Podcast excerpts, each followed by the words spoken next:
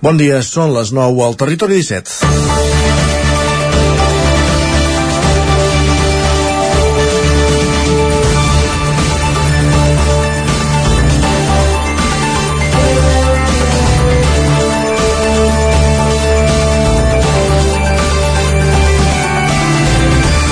L'estadística de víctimes mortals per accidents de trànsit a les carreteres d'Osona i el Ripollès no es redueix des de fa gairebé un lustre. El descens va ser molt significatiu en el moment en què es van completar les obres de desdoblament de l'eix transversal i de la C-17 entre Vic i Ripoll, unes obres que van permetre guanyar seguretat en aquestes dues vies de gran capacitat. Des d'aleshores, però, la xifra de víctimes mortals està estabilitzada. Durant el 2022, a Osona i al Ripollès van morir 7 persones en accidents de trànsit, 6 a Osona i 1 al Ripollès és la mateixa xifra que el 2021, que van ser 7 a Osona i cap al Ripollès, i el 2022, 5 i 2. Al Vallès Oriental, en canvi, les 15 víctimes a la carretera de l'any passat suposen un retrocés, ja que és la xifra més alta des de 2008 i superen 5 la de 2021. Els números són pures estadístiques i els difunts, en canvi, sempre tenen noms i cognoms. Per tant, fins que la xifra sigui zero no es podrà estar satisfet i no es pot abaixar mai, mai la guàrdia. Ara bé, amb una mirada retrospectiva, el cert és que existeixen alguns factors positius. La millora de carreteres, com la de la Miranda entre Manlleu i Torelló, tot i que encara conserva un índex de perillositat alt, segons l'informe Eurorap que realitza anualment el RAC, i les limitacions de velocitat amb el radar de tram de la C-17 com a exponent han contribuït a reduir els riscos i els accidents. No obstant això, també hi ha factors negatius i un d'especialment significatiu és que en els accidents de trànsit cada vegada s'hi veuen involucrats més ciclistes o motoristes. Formen part del que en seguretat viària es denominen col·lectius vulnerables. Les dades expliquen que 4 de les 8 víctimes mortals de l'any passat a Osona i el Ripollès són precisament ciclistes o motoristes. Sempre tenen les de perdre, per això els conductors han de prendre consciència també de la necessitat de ser especialment respectuosos amb bicicletes i motos. I alhora, l'administració ha de continuar millorant les carreteres i alhora senyalitzar de forma adequada les calçades. L'Ajuntament de Muntanyola va demanar que s'instal·lessin senyals d'alerta a la carretera entre Malla i Collsospina, on l'any passat es va haver de lamentar l'accident mortal d'un ciclista de Taradell. No s'ha fet res. Aquesta carretera és molt concorreguda pels ciclistes. Hi ha qüestions que requereixen inversió, d'altres, com la senyalització, només voluntat. Cal estar alerta. D'aquesta manera comença el Territori 17 d'aquest dimecres 11 de gener de 2023 a la sintonia de Ràdio Cardedeu, una codinenca, la veu de Sant Joan, Ràdio Vic, el 9 FM i també ja ho sabeu que ens podeu veure a través del 9 TV, Twitch i YouTube. Territori 17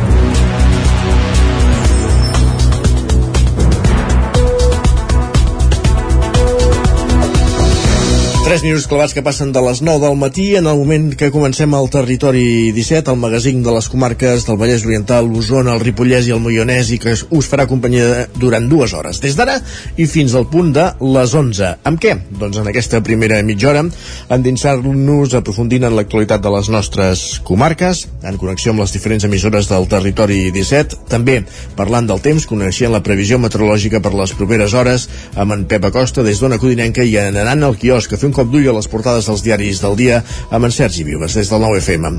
A partir de dos quarts de 10 del matí escoltarem la crònica del dia des del tren de l'Isaac Muntades, des de la veu de Sant Joan, recollint les cròniques dels oferts usuaris de la línia i a l'entrevista ens quedarem a la veu de Sant Joan per conversar amb la directora del Museu Etnogràfic de Ripoll, Roser Vilardell, sobre les visites a la Farga Palau en companyia precisament també de l'Isaac Muntades.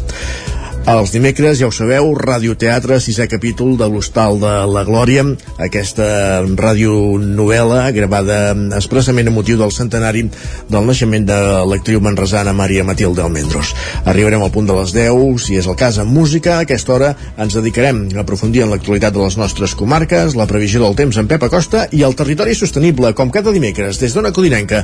En Jordi Givert, coneixent iniciatives que es desenvolupen al territori, avui aprofundint en l'evolució evolució de la presència del llop al Moianès. A dos quarts d'onze en punt ens visitarà en Guillem Sánchez, com cada dia, amb les violades, amb el més interessant que ha trobat a Twitter i tot seguit Jordi Soler, l'alegria interior, l'espai de PNL que ens acompanya cada 15 dies. Avui traurà el cap al territori 17, just abans de saludar també la Marta Simón, llibretera de la llibreria Muntanya de Llibres, que avui ens avançaran uh, alguns escriptors que aquest any publicaran llibre, publicaran novel·la. Farem una mica d'abans del que serà el 2023 Literàriament parlant avui el Lletra Ferits per acabar un territori 17 que, com dèiem ara, comença amb el més destacat de les nostres comarques, fent un cop d'ull a l'actualitat de les comarques del Vallès Oriental, Osona, el Ripollès i el Moianès.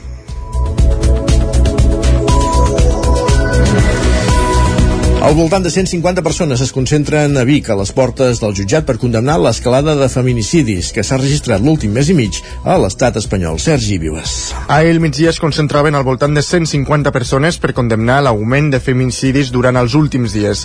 A la concentració convocada per Juntes en Revolució i Càrnies en Lluita, 21 dones que van vestir de color negre per posar-se en el paper de les 21 dones que entre el mes passat i aquest han estat assassinades a mans d'homes. Una xacra que va revifar aquest cap de setmana amb només 48 hores de diferència, el conjunt de l'estat espanyol va van registrar-se quatre casos de violència masclista, els primers de l'any 2023. De les quatre dones que van perdre la vida, tres ho van fer en mans de les seves parelles o exparelles, una situació que Montse Castanyer, portaveu d'aquestes organitzacions, assegura és insostenible i, a més, si és el sistema judicial i la classe política no reacciona. Ja n'hi ha prou de violència, de terrorisme judicial, de terrorisme institucional, que ningú diu res, que ja n'hi ha prou. Uh, S'ha de derogar uh, o retirar la llei del sí o sí, perquè realment els jutges, les fiscals, uh, tota aquesta gent no entenen ni la remota idea de lo que és violència de gènere. Suposo perquè no els toca a ells, no? Si amb ells els toqués la mare, la filla, mm, suposo que canviarien les lleis, no? Però com no els hi toca, se'ls hi en fot retirar ordres d'allunyament, deixar anar a violadors, deixar anar a assetjadors en total, l'any 2022 van ser assassinades 49 dones a tot l'estat espanyol pel simple fet de ser dones. Amb l'objectiu de reivindicar que les dones puguin viure en pau, la concentració es va desplegar pels carrers de Vic. Prou dones assassinades és el lema que es podia llegir-se la pancarta que va encapçalar la rua de manifestants que els jutjats va, eh, que des dels jutjats va arribar fins a la plaça Major. A pocs metres de l'Ajuntament s'hi va fer la lectura del manifest. En aquest punt és on precisament els dos col·lectius tenen previst fer, a finals de mes, una primera acampada. Més qüestions, en canvi, en la, enca, encara en l'àmbit de la violència masclista, la psicòloga i sexòloga Sílvia Catalán insisteix en la importància de detectar i frenar les conductes masclistes quotidianes. Com sentíem, la concentració contra els feminicidis a Vic es produeix després que en els 10 dies que portem de 2023 s'hagin produït 4 crims masclistes a l'estat espanyol i que el 2022 acabés amb 49 dones assassinades, a, a, amb, amb assassinats masclistes a l'estat. N'hem parlat amb la psicòloga i sexòloga Sílvia Catalán que considera que el tràgic inici de 2023 pot tenir a veure amb, en part amb les vacances, però insisteix en les causes estructurals de la violència masclista i en la importància de detectar i frenar les conductes masclistes quotidianes. Pugui tenir a veure doncs, època de vacances, normalment sol ser època més complicada, és una època molt familiar, molt d'estar a casa, no? I, i això pot provocar doncs, que hi hagi um, aquest, aquest efecte. No? Però jo crec que és un, és un, hem de fer una mirada molt més àmplia amb el tema de les violències. No ens podem quedar amb aquests quatre casos en concret, eh, perquè realment aquests quatre casos són els quatre casos que han sortit a la tele. El punt per abordar la violència de gènere, les violències masclistes, és la tolerància zero i quan diem tolerància zero volem dir, evidentment, denunciar qualsevol cas que puguem presenciar de violències directes, però també eh, tolerància zero, zero amb aquests micromasclismes, que sembla com que són bueno, inofensius, són una brometa, al final estan teixint tota aquesta xarxa que fa que es pugui sostenir tota la violència. Catalana afegeix que sí és important protegir a les víctimes, però que també és important tenir lleis més dures contra els agressors. Ara sí canviem de qüestió, obrim pàgina econòmica. Seidor és una de les empreses tecnològiques d'Osona que des d'aquest dilluns acullen la primera promoció d'alumnes de la formació professional en el marc del projecte Osona TIC Talent, formació professional dual. Fins al mes de juny a la consultora osonenca, una trentena d'alumnes hi faran pràctiques duals la necessitat per part de les empreses d'Osona de tenir personal qualificat i la necessitat per part dels centres educatius de garantir l'accés al mercat laboral dels joves de la comarca és el que mou des de fa uns anys el projecte Osona TIC Talent. Es tracta d'una iniciativa que busca generar talent i despertar vocacions. L'impulsa el Departament d'Educació de la Generalitat de Catalunya amb la complicitat del Consell Comarcal d'Osona i l'Ajuntament de Vic amb la col·laboració de Creacció, els centres educatius de la comarca que ofereixen formació professional d'informàtica i diferents empreses tecnològiques amb seu a Osona. Una d'elles és Seidor, una consultoria multinacional especialitzada en serveis i solucions tecnològiques. 30 dels 70 alumnes que inclou el projecte hi faran les pràctiques duals, una estada a l'empresa que s'allargarà fins al mes de juny, segons explica el seu director d'operacions, Eugeni Baquer. Cada alumne té un seu, el seu tutor de pràctiques i començaran a fer les pràctiques específiques a l'àrea internat hi ha gent que va a programació per, per SAP, altres que van per programació per SAP Business One, hi ha gent que va a desenvolupar aplicacions a mida, hi ha gent que va a sistemes, hi ha gent que va a ciberseguretat, cadascú en funció del seu perfil els hem assignat a les diferents unitats de negoci de la casa. L'objectiu de Seguidor, segons Baquer, és que un cop s'esgoti el període de pràctiques, la majoria dels alumnes es quedin a l'empresa. Nosaltres fem aquesta inversió amb les pràctiques duals i fem aquesta inversió amb ells perquè els assistem, perquè els volem i perquè la companyia, amb, la, amb, la, amb els projectes que tenim, tenim ens fan falta. Llavors, per mi seria un plaer que tots els 100% es poguessin quedar. Per l'empresa no quedarà un projecte que potencia la formació professional com una opció educativa per entrar al món laboral amb garanties d'èxit. Ho certifica el periple acadèmic de Carlota Serrate, una de les alumnes que dilluns va començar a fer les pràctiques a Seidor, ha traçat des de que va finalitzar l'educació obligatòria. Perquè he fet moltes tombarelles des del batxillerat. Jo he acabat el batxillerat, el vaig patir com molt bastant, vaig patir estadística, vaig patir telecos i en canvi porto dos anys que els nivells d'ansietat han baixat bastant. Per tant, a mi m'ha anat molt bé, realment sí. Amb el projecte Osona TIC Talent es vol posar fi a dues problemàtiques que des de fa anys es registren a la comarca. La poca presència de noies als cicles formatius d'informàtica i la fuga de talent.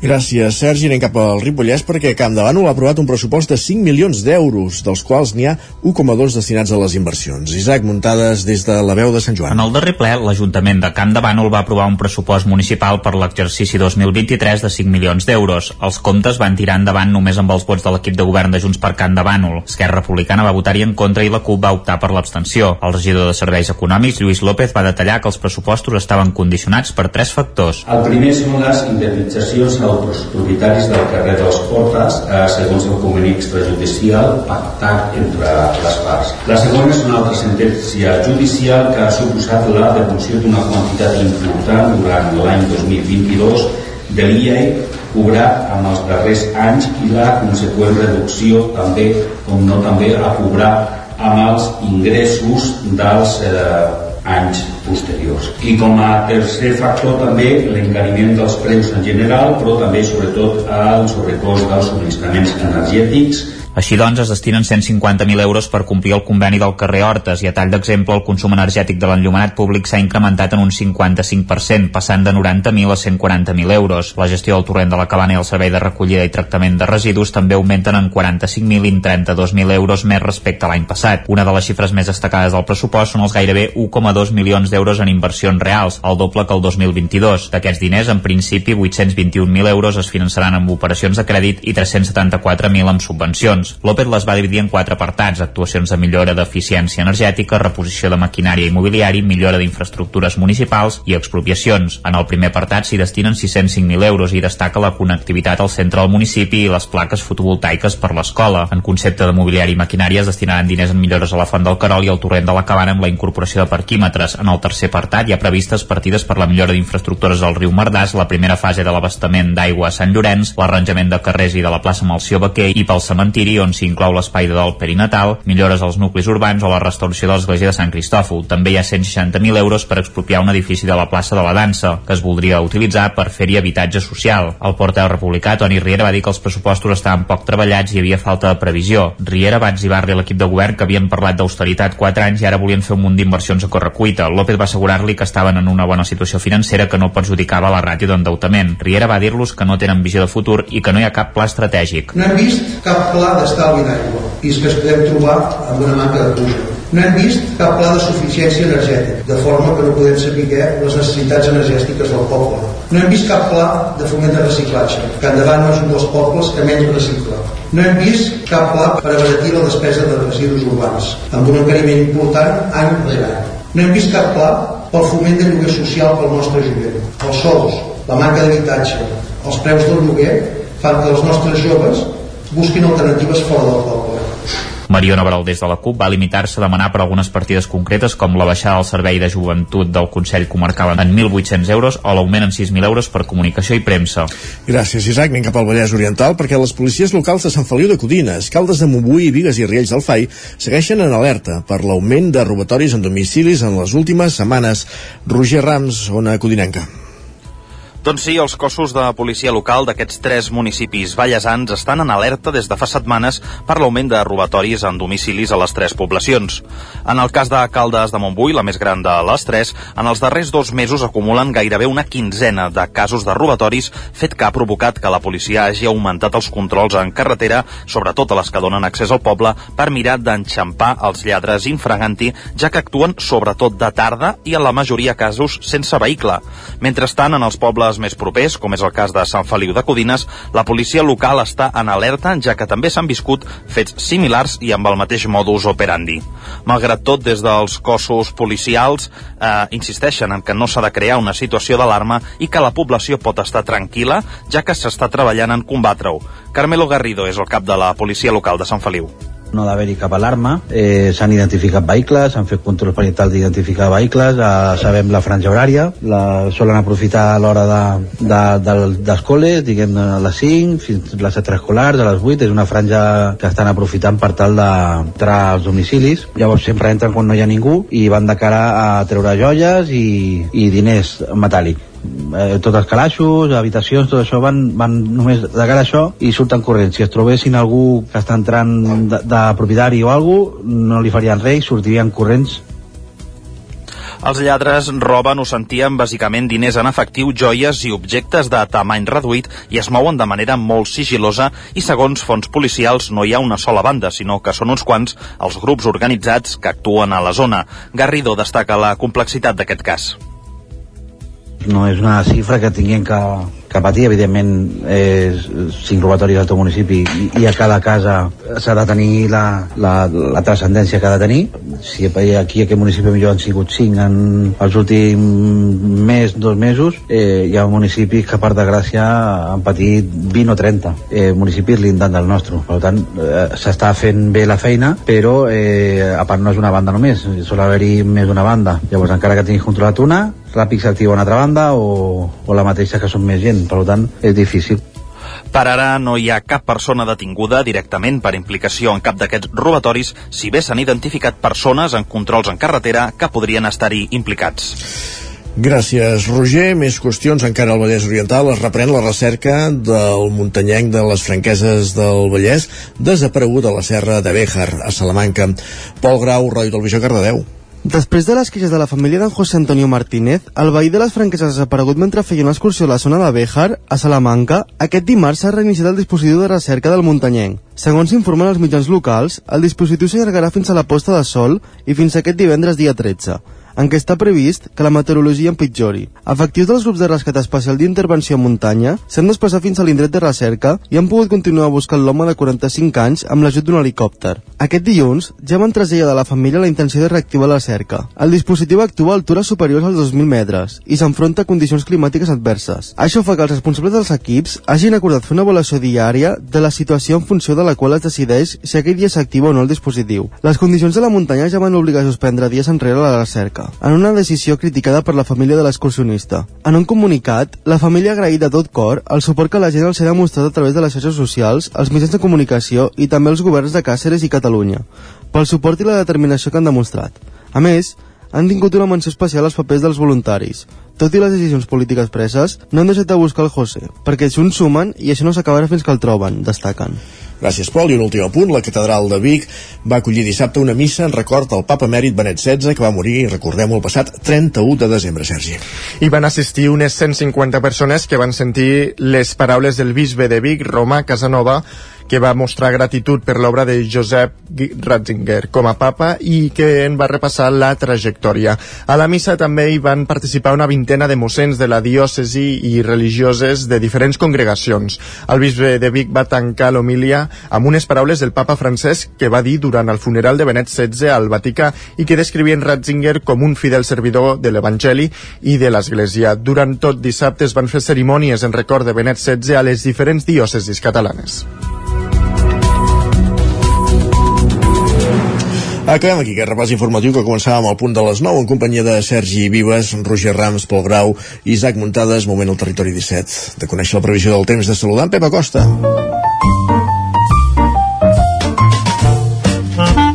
Casa Terradellos us ofereix el temps. Per tant, tornem a una codinenca. Pep Acosta, quin temps farà avui? Quin temps està fent? Bon dia. Molt bon dia, benvinguts a la informació meteorològica aquest dimecres, eh, dia 11 de gener de 2023.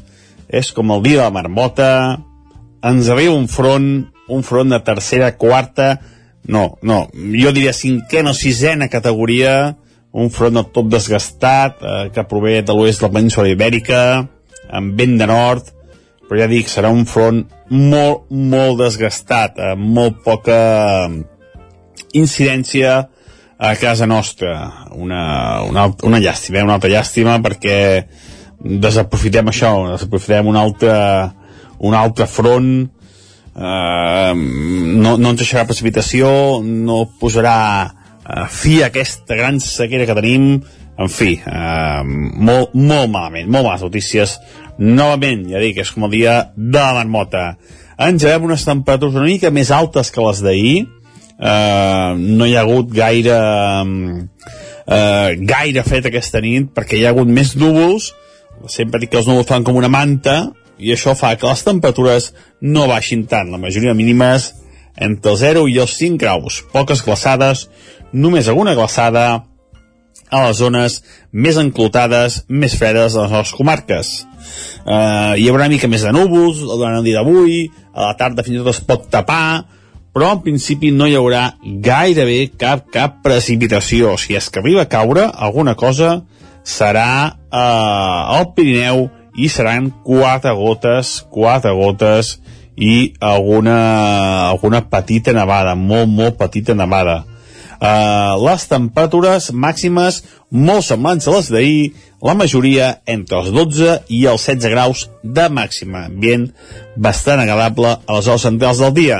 I de cara a la tarda nit, el més destacable serà Kento vent de nord, entre vent de tramuntana, cops de 60-70 km per hora, i que farà baixar la temperatura, sobretot a alta muntanya. Ja sí que es notarà una frescada de cara a aquesta tarda i la nit.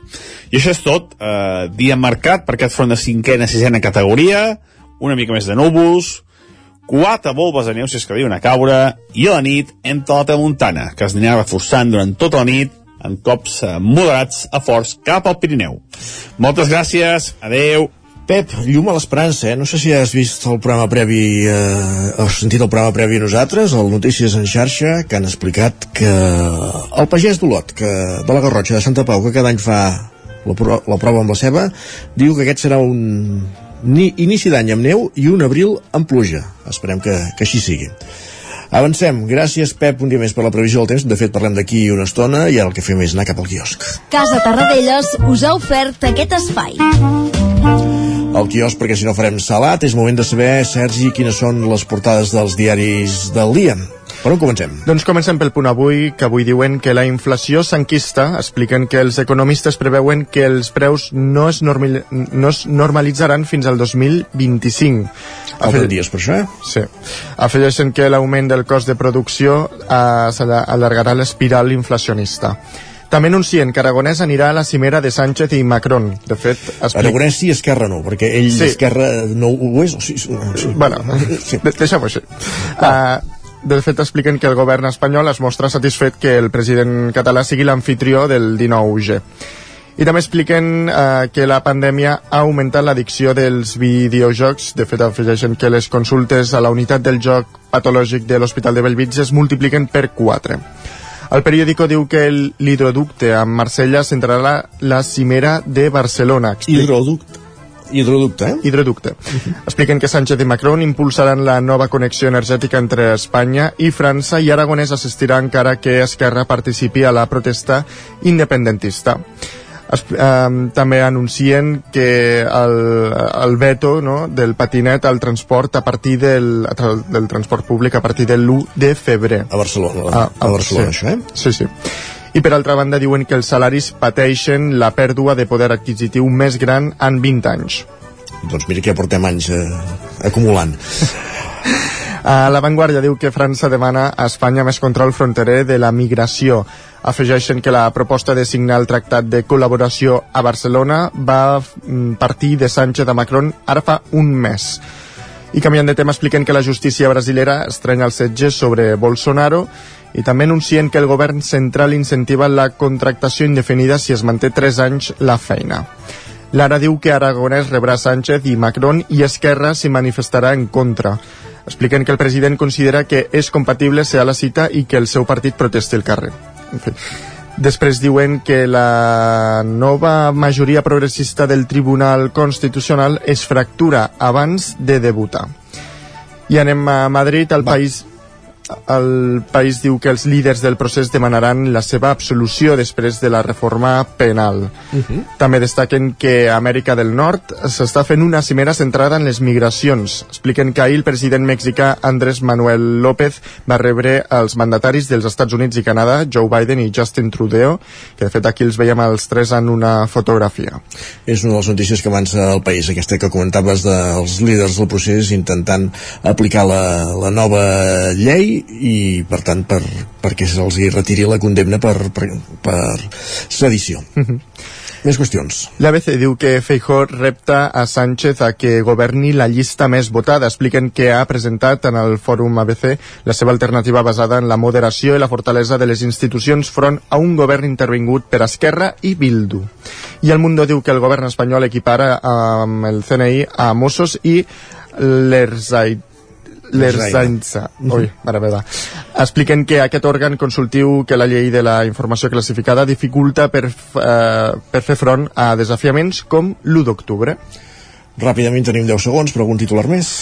Uh, sí, doncs mira, anem al 99.cat a Osona el Ripollès, trobem aquesta bona arrencada de la temporada de rebaixes i al Vallès Oriental doncs, que ja s'ha tancat, uh, que el 2022 s'ha tancat ja amb dues víctimes mortals a les carreteres del Moianès.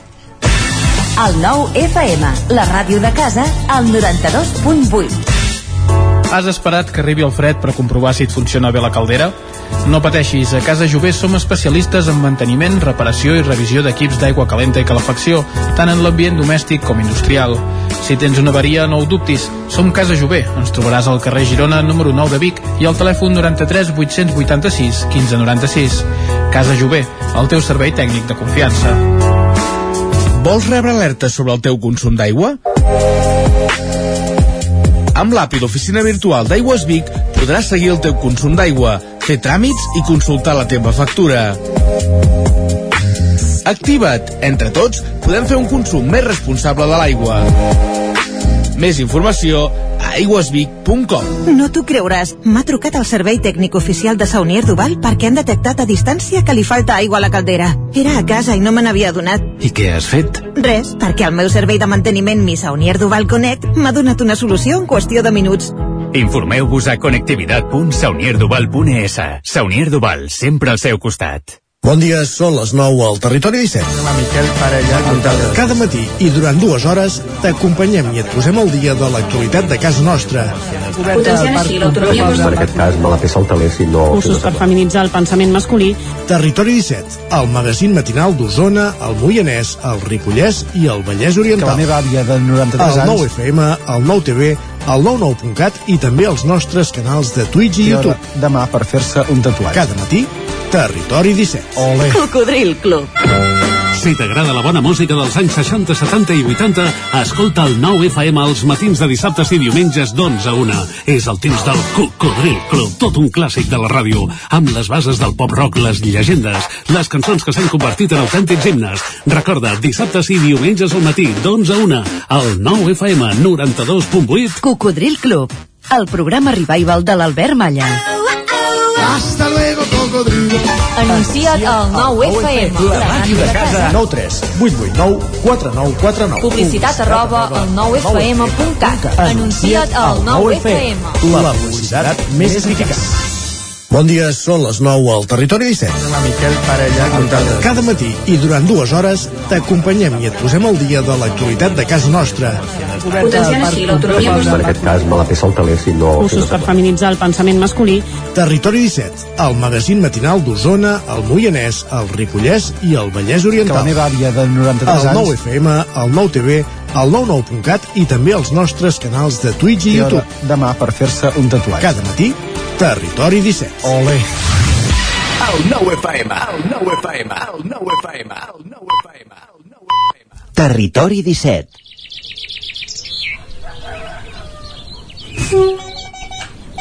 A Tren d'Alba. Cada dia els usuaris i usuàries de la línia R3 de Rodalies que veuen sortir el sol des d'un vagó ens expliquen les gràcies i les penes del primer comboi que uneix Ripoll i Barcelona o les feixugues jornades amb el tren després de treballar.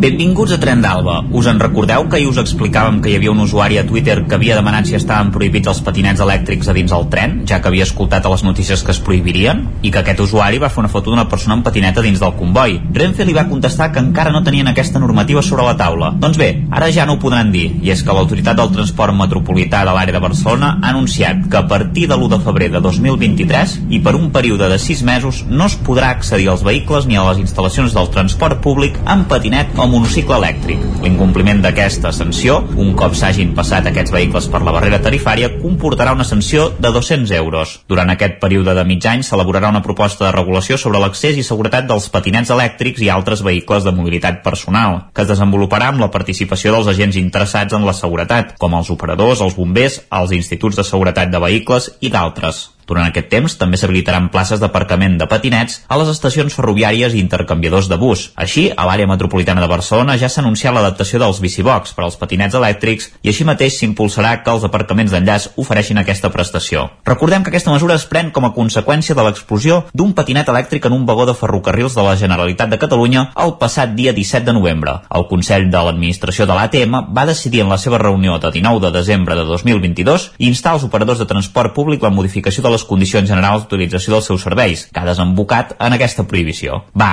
ens retrobem demà amb més històries del tren i de l'R3.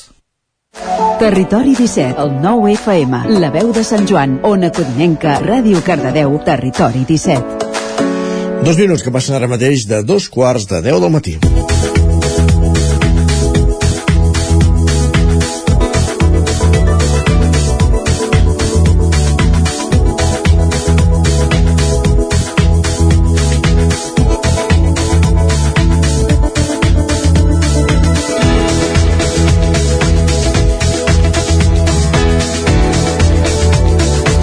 Des de fa poc més de dues setmanes, la Farga Palau de Ripoll es pot visitar de manera autònoma i sense esperar una visita guiada gràcies a un codi que s'haurà d'introduir en un panell a l'entrada. A més, l'espai també va inaugurar la nova museografia abans de les festes de Nadal. Isaac Muntades, la veu de Sant Joan. Bon dia, Isaac. Doncs sí, per parlar de tot això, avui teníem nosaltres la directora del Museu Etnogràfic de Ripoll, la Roser Vilardell. Cal recordar que és el Museu Etnogràfic el qui s'encarrega de, de la gestió d'aquest espai, de la programació també de les visites guiades que, que s'hi fan. Bon dia, Roser, i moltes gràcies per ser avui amb nosaltres al Territori 17. Bon dia. Uh, per començar, Roser, les visites autònomes són un sistema que permetrà que més gent visiti l'espai. Uh, com ho ha de fer una persona per poder-lo visitar d'aquesta manera? No sé si es poden fer cada dia aquestes visites, si hi ha alguns dies uh, limitats, quanta gent uh, hi pot anar-hi i com, com es controlaran? Sí, la veritat és que aquest és una mica el sentit de tot plegat, perquè fins ara les persones que visitaven la nostra població, a no ser que coincidissin amb una de les visites programades, que en fem una al mes, no podien accedir a, a l'espai de la Farga Palau. De manera que aquest accés autònom el que permetrà és això, que totes les persones que vulguin visitar la Farga podran entrar-hi de manera individual i fer la visita doncs, lliure i guiada a través d'aquesta nova museografia. Um, hi ha molta gent que ens demanava poder visitar la Farga, però era impossible, no s'hi podia accedir. Per tant, entenem que estem donant resposta a una, a una necessitat i a una demanda que, que teníem. Um, el que passa que l'aforament és petit. L'espai de la Farga és original, és una Farga autèntica i, per tant, uh, ens hem d'adaptar a, a l'espai, no al revés. En, en cada visita hi ha un màxim de 12 persones i per tant les visites, tot i que seran molt més que, que les que hi ha hagut fins ara, sí que tenen aquest límit de, de l'aforament de l'espai. Uh -huh. Les visites guiades entenem que continuaran funcionant igualment, de forma paral·lela. Quan se solen fer? Uh, no sé si, també si és un factor diferencial gràcies al fet que hi hagi una persona que et pugui ajudar a interpretar més l'espai que, que no pas de, les que comentàvem ara de, de forma autònoma. Sí, exacte. Uh, nosaltres aquestes visites les hem mantingut durant molt temps i se'n fan un al mes, reforçant sempre ponts, festius i estius, que llavors uh, augmentem l'horari. Aquestes visites es seguiran fent perquè, a part de que és important també el guiatge i que es veuran espais com les basses que amb la visita lliure no s'hi podrà accedir, Uh, també hi ha una demostració de forja, amb la qual cosa sí que aporten un, una mica més de qualitat a la visita perquè hi ha doncs, bueno, això, la, dues coses importants. Eh? A part del monitor, evidentment, que fa la visita guiada, hi ha la demostració de forja i la visita a alguns espais eh, com les basses o fins i tot el botàs que d'una altra manera no, no es podran visitar.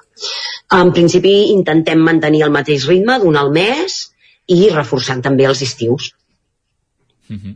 Uh, una pregunta sobre això, Roser. Bueno, uh, com que és un al mes, entenem que és això, com que està limitat a 12 persones, uh, és això, no? 12 persones al mes. En el cas de les visites autònomes, que amb aquest nou sistema que em sembla que és bastant pioner a, a Catalunya, no sé si aquestes festes de Nadal ja es pot fer algun primer balanç de, de com ha anat, si hi ha molta gent que, que ho ha utilitzat.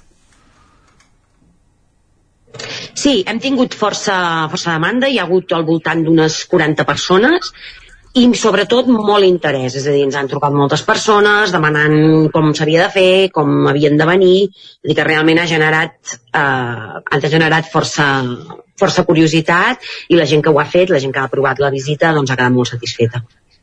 Uh -huh. A la nova museografia, eh, que comentàvem abans, que es va inaugurar just abans de Nadal, hi ha un parell de pantalles on es projecten dos nous audiovisuals, no? No sé què hi podrem veure. Sí, N'hi ha dos. Un explica una mica la història de les Fargues, no només de la Farga Palau, sinó de tot el Ripollès, de tota la importància de la transformació també del nostre territori pel fet de que hi hagués tantes Fargues, eh?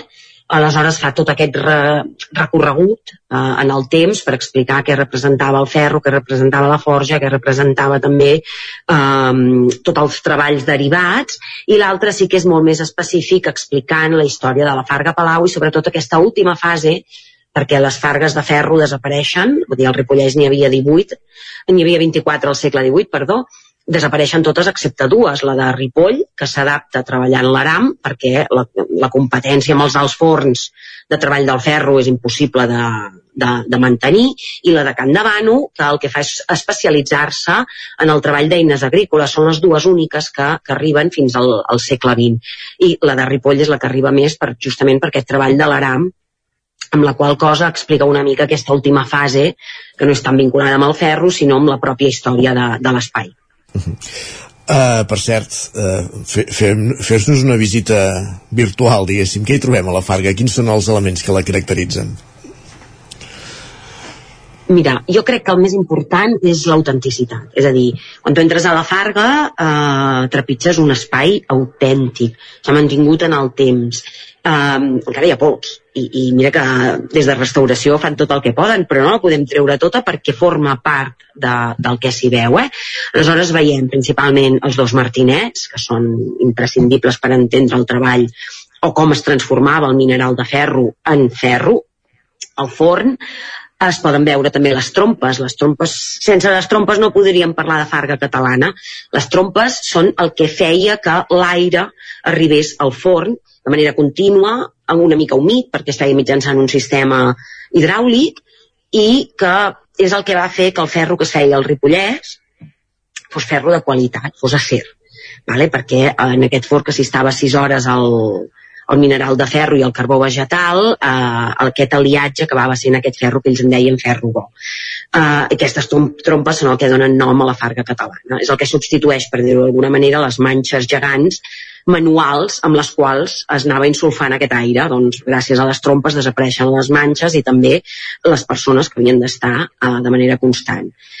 I què més s'hi pot veure? S'hi poden veure els magatzems de carbó. És important, perquè per fer una tona de ferro es necessitaven 3 tones de mineral, però se necessitaven 5 de carbó vegetal. Això és una mica el que us deia, no? que explicava també l'audiovisual, la transformació del territori. El nostre territori, que està a uns boscos molt poblats, doncs si poguéssim retrocedir en el temps no hi havia arbres perquè es necessitaven per fer el carbó vegetal que alimentava aquestes fargues del Ripollès. Per tant, aquests elements són els que es poden veure a la farga i jo crec que són els que donen doncs, el, el valor a l'espai. Uh -huh. uh, això que comentes, eh, l'estat de conservació de la Farga és, és envejable, no?, perquè s'hi poden veure uh, tots el, els, uh, els elements que la, que la componen. Uh, abans ja has parlat una mica de la, de la història, Roser, al llarg dels anys, i una mica perquè va ser important i per Ripoll, per la comarca, una mica per això, no?, perquè era un motor econòmic uh, imprescindible, no?, Sí, tres quartes parts de la població del Ripollès estaven vinculades de manera directa o indirecta amb el treball del ferro, la qual cosa era un motor econòmic important. Um, pensem que no només hi havia els fargaires, que eren pocs, perquè en una farga tampoc hi treballava molta gent, però hi havia els traginers, hi havia els carboners, i després tots els derivats, és a dir, els ferrers, els clavataires i en el cas concret de Ripoll fins i tot els armers, la part dels canons i dels panys, la qual cosa representava una part important de la nostra societat i sobretot econòmicament doncs, també era important per molta gent. I a més a més aquest ferro, eh, tant el ferro com els elements un cop manufacturats, perquè de les farques no en va sortir mai un element manufacturat. De la farga el que es feia era transformar el mineral en ferro i llavors els artesans anaven a adquirir aquest ferro i el convertien en el que fos, en reixes, en panys, en claus, amb el que fos. Doncs tots aquests elements també s'exportaven a tot arreu, per tant, el treball del ferro jo, jo m'agrada dir que, que hi ha un tarannà no? al territori, eh, treballar el ferro, picar ferro, eh, fa que, que la gent sigui d'una determinada manera i, i jo crec que això el Ripollès també ha marcat durant molt temps. Si no tenim mal entès, la previsió és que les actuacions la, no s'acabin aquí, que s'han de fer més inversions eh, en, aquesta, de, en aquesta farga per acabar-la de posar a punt. Què, què hi falta fer a partir d'ara? A veure, mireu, l'espai de la Farga ara tenim ben bé el taller, aquest últim taller. Al costat hi ha un altre taller, que és on hi havia hagut la, la Farga original, la primera Farga de ferro, eh, que es va fer unes excavacions, però que ja no hi ha cap vestigi pràcticament. Eh? Però tot aquest espai també l'ha adquirit l'Ajuntament i l'objectiu és que serveixi com una mica de porta d'accés a l'espai de la Farga, és a dir, hi ha una petita recepció, una, podem musealitzar una mica més eh, el context i el contingut, i llavors sobretot la part de les basses. Les basses eren importants, vull dir, hi ha tres elements importants en una farga.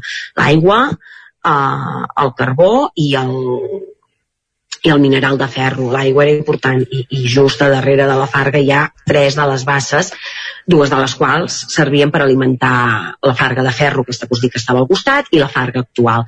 Tot aquest espai s'ha de rehabilitar, s'ha de museagrifiar, és a dir, donar-li contingut i sentit en tota la visita, eh, facilitar l'accés, que segurament també serà molt semblant al que tenim a la farga, aquest accés eh, lliure i autònom, i bé, el projecte està pensat, la idea també, però hem de trobar el finançament per poder executar, si més no, la primera fase, que serien les fases, ai, les basses, i la segona fase, que ja seria aquest espai lateral de, del costat de, del taller de la Farga ara ho deies, eh, Roser, o falta el finançament, no sé si ja us, us heu mogut d'alguna manera, si ja hi ha algunes subvencions a què, a què us pugueu acollir, i en tot cas, si hi hagués algun calendari previst o que us marcaríeu de dir hem d'intentar tenir-ho fet doncs, abans d'un any o d'un parell d'anys, no, no sé com, com està el tema del finançament.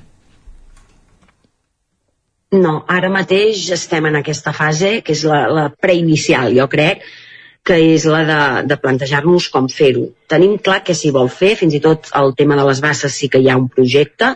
També em sembla important. dir, a vegades treballem al revés, no? Primer busquem els diners i després pensem.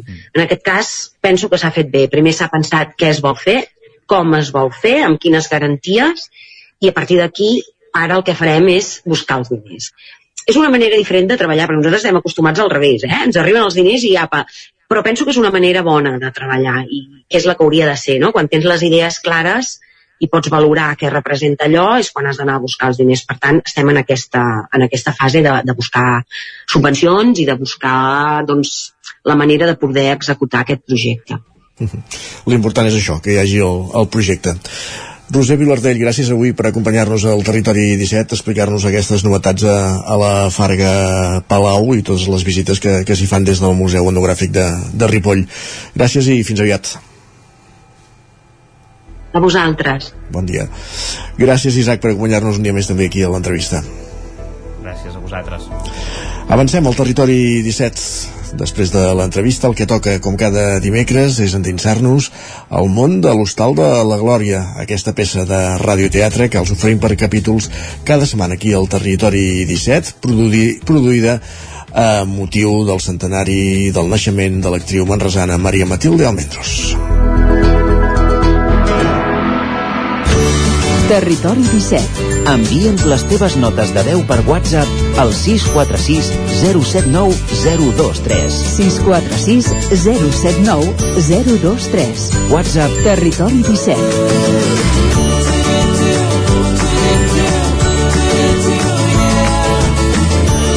Territori 17. Som a Facebook, Twitter i Instagram amb l'usuari Territori 17.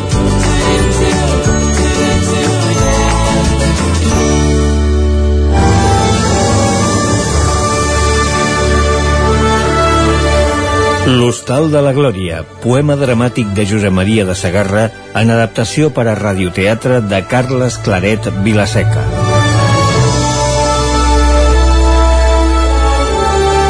Un homenatge a l'actriu i locutora de ràdio manresana il·lustre Maria Matilde Almendros Carcasona.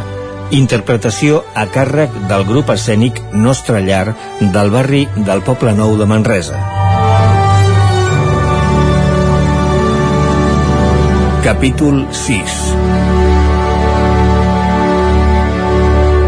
Ja hem sentit com la Glòria, la mestressa de l'hostal, sospita que alguna cosa passa a dins de casa seva. Un cop s'ha desfet el compromís de la seva germana Roser amb un acomodat veí de Ripoll, la Glòria ha quedat molt angoixada després de parlar amb el seu home i també amb la Roser. Estan soles les dues germanetes. Us duc herbes més fresques i més netes que després d'una pluja de febrer. Ui, si ens en sobren. Mira, mira, mira aquestes. Aquestes dues fan bon plat. I aquesta altra és lletja com les corretjoles. I això per què serveix? No t'ho vull dir. Bé, vaja. Us ho diré perquè esteu soles. És collida la serra del Cadí i l'ha dut una, una vella que és mig santa.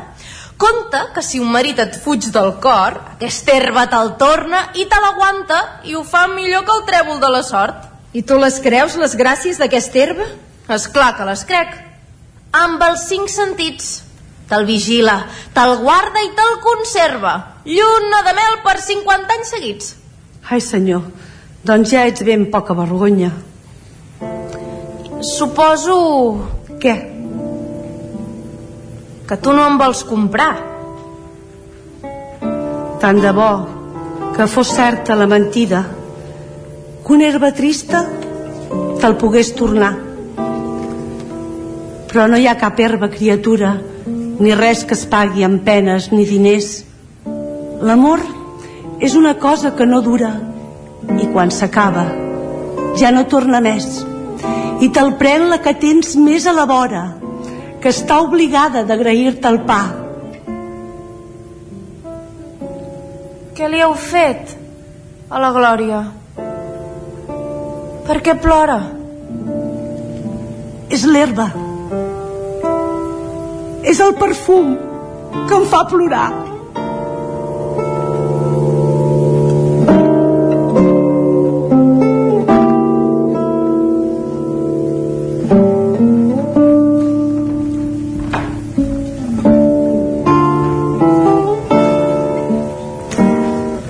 Tercer. En el mateix indret al cap de pocs dies, quan semblava que tot el mal ja estava fet, al cor de la glòria encara sagnen les ferides. Tu li has parlat? No res, ni una paraula. En s'acabau tenir aquella conversa, s'ha replegat dintre el paper de víctima. Tota la nit se l'ha passat desperta. I fins fingeix bon cor. Jo voldria que protestés, que m'ensenyés les ungles, que fes com sempre. perquè així, deixant-la, tindria el cor més lliure. I per què tot això? Que encara dubtes? No, dona, no t'he dit que no... que no t'espantis. Tinc els diners i tinc les mires preses. Demà passat arribarem a França. Tu deus pensar que jo sóc molt dolenta, que no tinc pietat per ma germana. Però quan sents aquesta antipatia no hi ha la sang ni res. Ella procura ser amable, que l'estimi i l'obeeixi. Però, Roser, deixa-la estar, no em parlis. Em parlo perquè tu encara l'estimes. Si no hi tens dret, Roser. Veus que la deixo, que trenco amb el meu deure i que és possible que el teu amor m'hagi perdut per sempre. Em tens com una bèstia esparverada i encara no en tens prou. I fins voldries que no sentís pietat per una dona que jo li faig un mal que no té cura. No ho creguis, no li fas mal. Ben aviat la Glòria es curarà de tot. I aquesta vida de l'hostal i del tràfic i planyent-se i fins ploriquejant trobarà un home, si és que no l'ha trobat. Com t'equivoques? Si és que parles així, no la coneixes. I tu? Que la coneixes? Ui, els homes no en saben res de tot això. Silenci, calla, Roser, que sembla que ens espien. Per tan poc temps, més val que dissimulis. Ves de pressa, no t'entretinguis. Jo tiro avall, em quedaré a la plaça i tornaré a l'hostal d'aquí una estona. I mentre els amants preparen la fugida, a l'hostal hi regna el desgavell. La Glòria pateix està ferida, té l'ànima i els peus i el cor de sutja. Però ja l'espera el forcadell. Quin mal moment per rebre el jutge. Déu vos guardi, hostalera. El senyor jutge, quin honor. Us molesto? No gens, senyor. És que sou una presa fugissera. Costeu força de replegar. Senyor jutge, vostè la sap molt llarga. Us trobo avui una miqueta amarga i sentenciosa. Què us diré? Em feu por. I l'Andreu? No comenci la cançó. Deixi estar el meu marit. Avui venia... Seriosament, venia per parlar. Glòria, sabeu que des del primer dia que ens coneixem jo us he donat la mà. He faltat el meu deure per servir-vos. No he estat el jutge aquell que creieu tots. I fins he jugat un xic per, dir per divertir-vos. En fi, era... res. Que la Glòria... Què, la Glòria? El senyor jutge es pot queixar de mi? Sí i no, mestressa. Feu memòria. Jo no entenc a què es pugui referir. Un dia em vau posar molt bona cara. Crec que m'endevinàveu la intenció. I en preguntar-vos em vau dir no encara. I avui? Què em responeu? Encara no. Sou fina. Si a una dona un li pregunta aquesta cosa, no diu mai que sí. I es decideix potser quan ja és difunta? Depèn. Glòria, deixem aquest camí. Com vulgui el senyor jutge. Esteu cansada. Feu uns ulls i unes galtes i unes dents? És la feina. Vaig massa trafegada. I miri, aquesta nit no he dormit gens. Em feu llàstima. Va segons la lluna. Un dia dorms i un altre... Quin marit. Us mereixeríeu molt millor fortuna. Per ara no puc dir-ne mal profit. Endavant, senyor jutge, què volia? Quan ens vàrem conèixer, em vau parlar de l'hostal i em vau dir que em convindria viure-hi. És cert? Jo l'endemà vaig pensar-hi. Han passat dues setmanes. He viscut, com sabeu, i ara sí, potser... Sí, senyor, ja l'entenc. N'hi han vingut ganes, doncs cregui que a l'hostal s'hi està molt bé. Em vau dir que la cambra... La més maca serà pel senyor jutge. Pot triar ara mateix si vol. I la butxaca no ve d'aquí, que a l'hora de pagar l'hostalera no és pas gota gasiva. I puc veure-la? Tot seguit. Podré veure si és alta o és rodona, si està ben orientada i té claror? El que és per mi no cal que hi planyi estona. I en companyia vostra? Per què no? Doncs passeu endavant. De cap manera. És per aquí.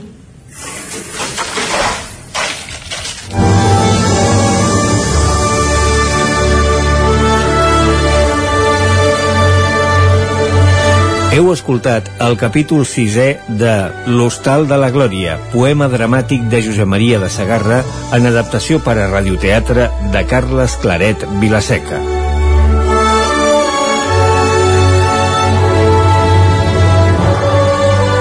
Un homenatge a l'actriu i locutora de ràdio manresana il·lustre Maria Matilde Almendros Carcasona.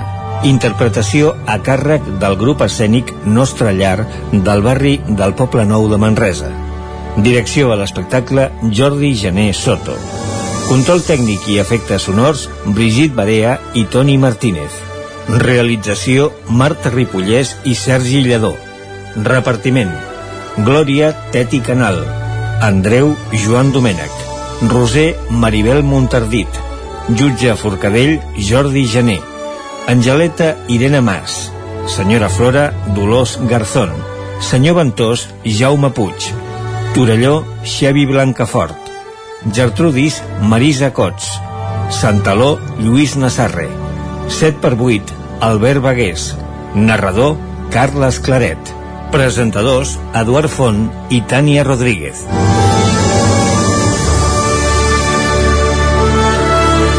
Agraïments a l'Ajuntament de Manresa, Ràdio Manresa, El Galliner i Manresana d'Equipaments Escènics Teatre Cursal.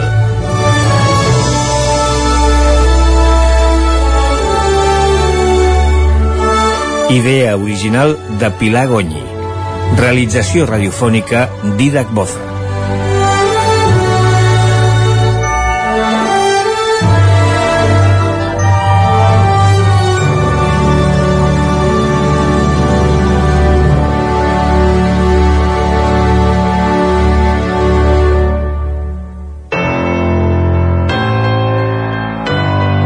Territori, Territori 17. 17.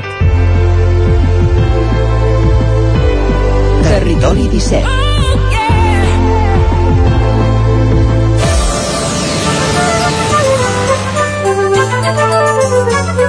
Recte final d'aquesta primera hora del territori 17 d'avui dimecres 11 de gener. Arribem a l'equador del programa i com procurem fer cada dia ho farem amb música perquè aquest divendres es veu la llum ja finalment el que és el nou disc de Sergi Carbonell, el que va ser el teclista i un dels fundadors de Charango, un disc que portarà per títol Refugi i del qual avui el que podem escoltar és el darrer single que se'n llença, que de fet s'estrena, es dona a conèixer avui mateix, un senzill, una cançó, que porta per títol Mestissos i que ens conduirà fins al punt de les 10 aquí al Territori 17. Com dèiem, és el tercer single del que serà el primer disc com a cantautor de Sergi Carbonell, que es publica aquest divendres 30 de desembre.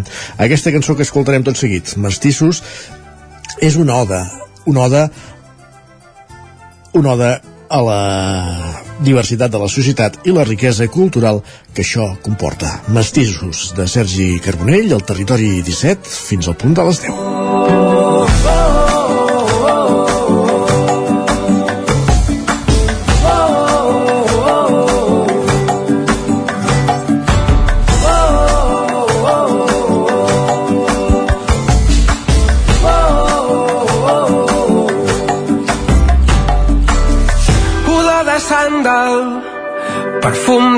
D'orient, de la terra on mil déus regnen al cel. El verd dels camps de te, de sucre i cafè, les muntanyes i les selves de ponent. Oh, oh, oh, L'ombra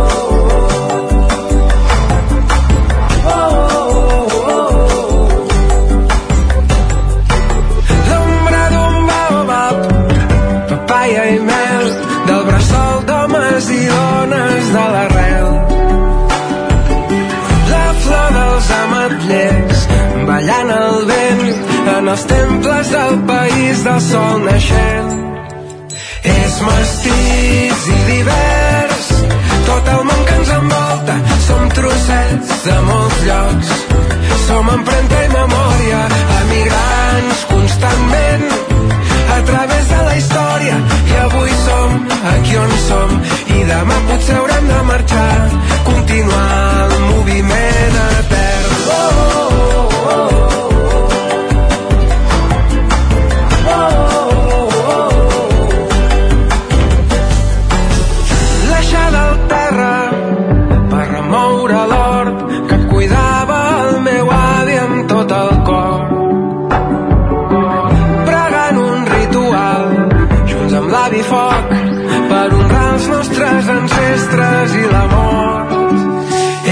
Mestís i divers, tot el món que ens envolta, som trossets de molts llocs. emigrants constantment. A través de la història i avui som aquí on som. I demà potser haurem de marxar continuar el moviment etern. Em sento allà on em porten els peus. Avui sóc d'aquí, demà seré d'arreu. Som núvols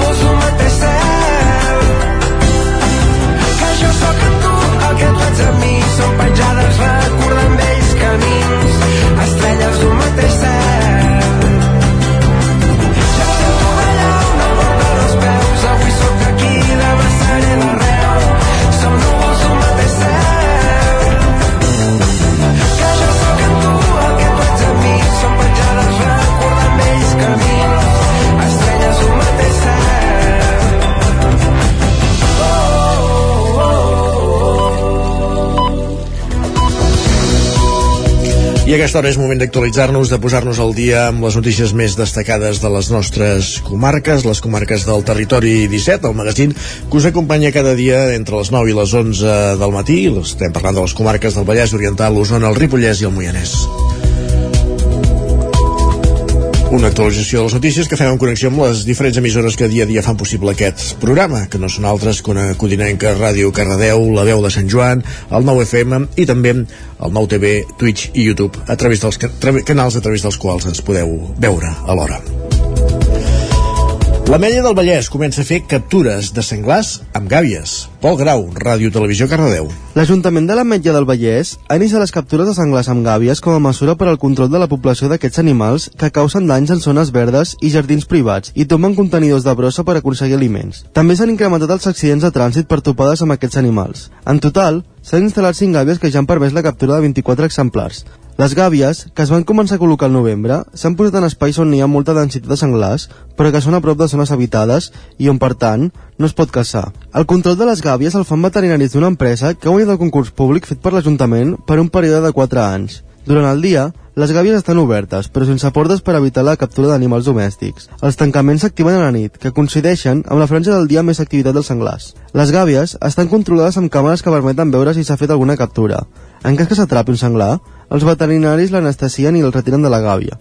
Posteriorment, els porcs salvatges són eutanasiats i destruïts en un gestor de residus autoritzats. Si es captura un animal d'alguna espècie protegida, aquest es torna a ser lliurat al medi. L'Ajuntament senyalitza les zones on es faran batudes amb antelació per alertar caminaires. També hi ha un dispositiu de seguretat quan es fan per evitar l'accés a la zona de persones a peu o en bicicleta. Gràcies, Pol, per aquesta informació. Més qüestions. L'alcaldessa de Vic, Anna R, i el de Manlleu, Àlex Garrido, deixaran de ser alcaldes, respectivament després de 8 anys, a partir del proper mes de maig, després de les eleccions municipals. Reunits per aquesta casa, han fet un balanç i han parlat de projectes de futur. Un balanç d'aquests 8 anys eh, al capdavant dels respectius ajuntaments. Sergi Vives. Els alcaldes de Vic i Manlleu, Anna R i Àlex Garrido fan balanç del 2022, l'últim que tancaran al capdavant d'una alcaldia que a les eleccions municipals del mes de maig cap dels dos revalidarà. Després d'anys al capdavant de les regidories d'Educació de Vic i Manlleu, l'any 2015, R i Garrido van assumir les alcaldies de les dues ciutats més grans d'Osona. Més enllà del viatge polític dels últims vuit anys, els dos alcaldes també han compartit la passió pel bàsquet i la docència, tot plegat en una relació que asseguren ha estat immillorable. i jo només puc dir-li que gràcies perquè ens hem entès molt bé i ens hem passat dintre de tot, ens hem arribat a passar bé. Com que tenim una certa diguem-ne, tenim unes de petites debilitats com és el món del bàsquet, eh, moltes vegades també hem gaudit d'aquesta part nostra eh, de... i fins i tot he llegit llibres d'ell perquè ell té a més a més la gran eh, diguem-ne professió eh, a part de ser alcalde que és un gran escriptor. La relació personal penso que ha estat fantàstica he conegut una, una persona que eh, hem coincidit en moltíssimes coses eh, amb el bàsquet, amb, amb la passió per l'educació i, i per tant doncs, penso que no només he guanyat eh, una col·laboradora en molts aspectes polítics sinó també una persona de confiança i una amiga L'any 2023 per a R i Garrido serà un any de comiats. Tots dos tenen presa la decisió de no tornar-se a presentar. A Manlleu, qui agafarà les regnes d'Esquerra com a candidata a les municipals serà Eva Font. A Vic, qui se situarà al capdavant de Junts per Catalunya serà Albert Castells. El nom, però, de qui es substituirà no se sabrà fins la nit del 28 de maig. Jo li diria a la persona que pugui ocupar doncs, el, el meu càrrec, eh, en aquest cas que tinc ara com a alcaldessa de Vic, és sobretot que mm, ser molt generós. molt generós amb escoltar la gent, amb atendre la gent i també com a capital de comarca amb tots els pobles del que és la comarca, perquè hem de fer de capital però també hem de ser molt generosos amb la capital i com no, tenir molt bona relació amb Manlleu. Jo la, a la persona que, que em succeeixi li demano essencialment una cosa, o, fin, o m'atreviria dues, no? Una, que sigui feliç fent la feina que fa, perquè quan ets feliç fent la feina que fas, segurament la fas millor, i la segona, que s'estimi Manlleu perquè a banda de les guerres polítiques que, que veiem sovint jo penso que el, és molt important estimar-te el lloc eh, on ets l'alcalde o, o l'alcaldessa.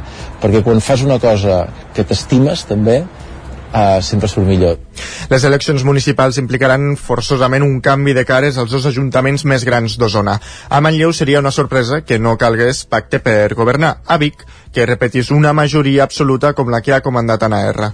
La campanya electoral per les municipals començarà la nit de dijous 11 de maig i s'allargarà fins al dia 26. Més qüestions. L'activista usonenca Fina Campàs valora la llei trans que va aprovar el Congrés dels Diputats el passat 22 de desembre. El Congrés dels Diputats va aprovar el 22 de desembre el projecte de llei per la igualtat real i efectiva de les persones trans i per la garantia dels drets LGTBI, que ara ha passat al Senat. L'avantprojecte ha estat aprovat pel Consell de Ministres el 27 de juny. Des d'Osona, l'activista trans Fina Campàs, presidenta de l'Associació Acció Trans i coordinadora del grup de treball trans del Consell Nacional LGTBI de Catalunya, considera que és un avenç en els drets socials i alguns aspectes com els laborals, però també creu que n'hi ha d'altres en què caldria concretar més i assignar partides pressupostàries. És un reconeixement de, de drets socials, bàsicament, el més, un dels més potents però també es podria ser el tema de l'accés a la feina, la precarització de la feina, vull dir que això, amb això han sigut receptius amb això, el tema de les famílies LGTBI, i llavors també el, tema de les persones intersex, per exemple, no? És un text que per nosaltres l'articulat eh, deixa molt que desitjar quan a la seva redacció el trobem que és bastant lax amb algunes coses, o sigui, és molt generalista, eh, endosa molt a les comunitats autònomes també, evidentment, perquè hi ha un tema de competències, però podria, en algunes qüestions podria entrar-hi molt més a fondo. Les mancances generals és el tema dels no binaris, el tema de les persones migrants, per exemple, i aquesta tutela que no acaba de sortir-se'n dels menors. El projecte de llei encara ha de passar pel Senat i d'aquí en sortirà el text definitiu que haurà de tornar a ser aprovat pel Congrés dels Diputats. Canviem de qüestió, anem fins al Ripollès, allà ens espera l'Isaac Muntades, la veu de Sant Joan, per explicar que comencen les obres per construir la rotonda a l'entrada nord-oest de Ripoll. Isaac Muntades, com dèiem, la veu de Sant Joan. Aquest dimecres comencen les obres per construir la reivindicada rotonda de l'entrada nord-oest de Ripoll a la intersecció de la C-17 amb la Nacional 260 que va en direcció a Camp de Bànol. És per això que l'Ajuntament ha prohibit estacionar des d'aquest dimecres al matí el solar de terra que fins ara s'utilitzava com a aparcament al final de la carretera de Ribes, ja que l'espai quedarà afectat per la construcció. Cal recordar que aquests treballs es van adjudicar a finals de setembre de l'any passat en dos lots diferents. El primer va ser per l'empresa Pasquina S.A. per un import de gairebé 420.000 euros amb l'IVA inclòs i el segon a l'empresa Givassa S.A. per un valor d'aproximadament 70.000 euros. El contracte es va formalitzar a mitjans del mes d'octubre i el cost de l'obra d'uns 524.000 euros l'assumirà íntegrament Infraestructures de la Generalitat de Catalunya. El regidor i cap de l'àrea de serveis al territori, Joaquim Colomer, sí que va estranyar-se del fet que l'estat espanyol no hi aportés cap dotació econòmica, ja que la rotonda es construirà en un terreny de la seva propietat, tot i que la intersecció hi conflueixen trams que són competència de la Generalitat i el consistori. Així doncs, l'estat espanyol només hi ha col·laborat seguint l'espai. Colomer sí que es va mostrar satisfet de l'obra per la seva importància. Jo crec que és una de les rotondes on hi ha hagut un índex de sinistralitat més gran i que per tant hi ha una problemàtica segur. Inclús eh, s'hi ha lamentat algun mort en aquesta rotonda. Per tant, jo crec que quan davant d'una problemàtica de seguretat, doncs això és el que ha de prevaldre. Està previst que el contracte duri uns 5 mesos, per tant les obres haurien d'estar acabades a principis de maig o a finals d'abril. Aquesta rotonda se sumarà a les dues que es van construir a la ronda del Mas d'en Bosch fa algun mes, al polígon dels Pintors, que han servit per reduir la velocitat en aquell tram per tal d'evitar una major sinistralitat. Gràcies, Isaac. Més qüestions. Els escudellers de Castellterçol busquen nous membres per garantir la continuïtat de la colla. Roger Ram, zona codinenca. Sí, per primera vegada a la història, la colla encarregada d'organitzar la festa de l'Escudella del dimarts de Carnaval ha fet una crida per buscar nous membres. Miquel Catot, cap de la colla dels escudellers de Castellterçol, explicava que busquen gent jove per tal de garantir el relleu generacional i també per ajudar a aixecar les pesants olles de caldo. També interessa perquè ara comencem a trobar que les calderes que les campanes, que són quasi 100 quilos, eh, s'han de moure i clar, abans trobem que són, són menys les tenim força per. Però el que procurem és que hi hagi un relleu, doncs hi hagi un gran que, desgraciadament, doncs, fan poca cosa i clar, hem de trobar gent que hagi fent coses.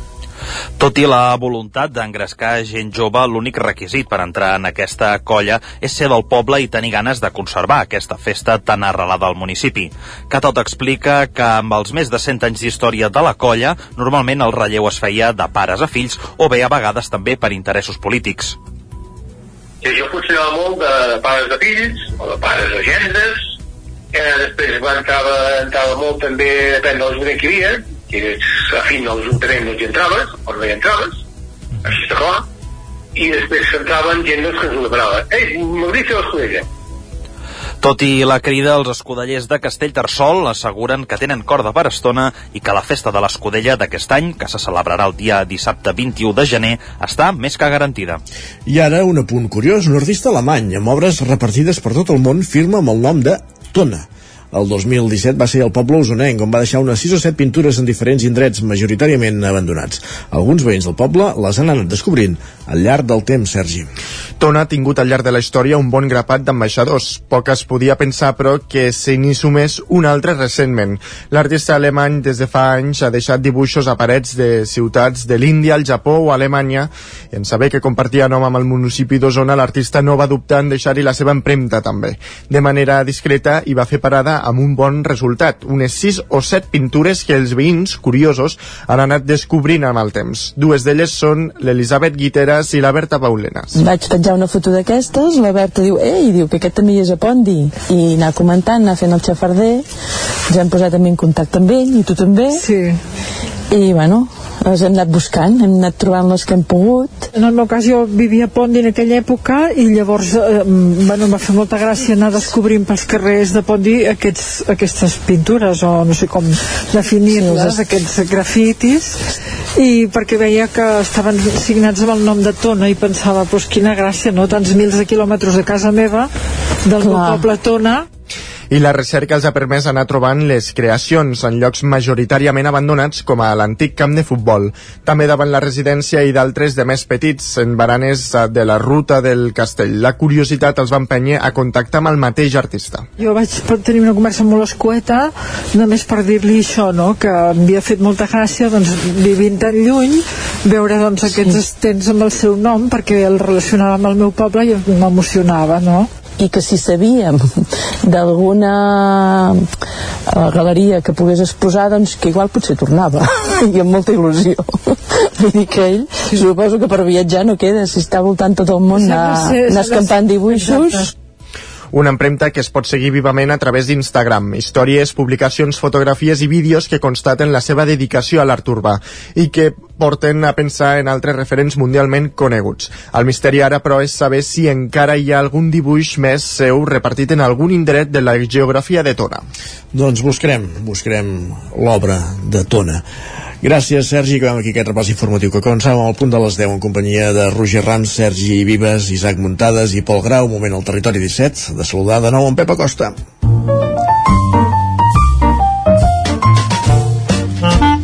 Casa Terradellos us ofereix el temps. Perquè volem saber quin temps farà, Pep. Bon dia. Molt bon dia.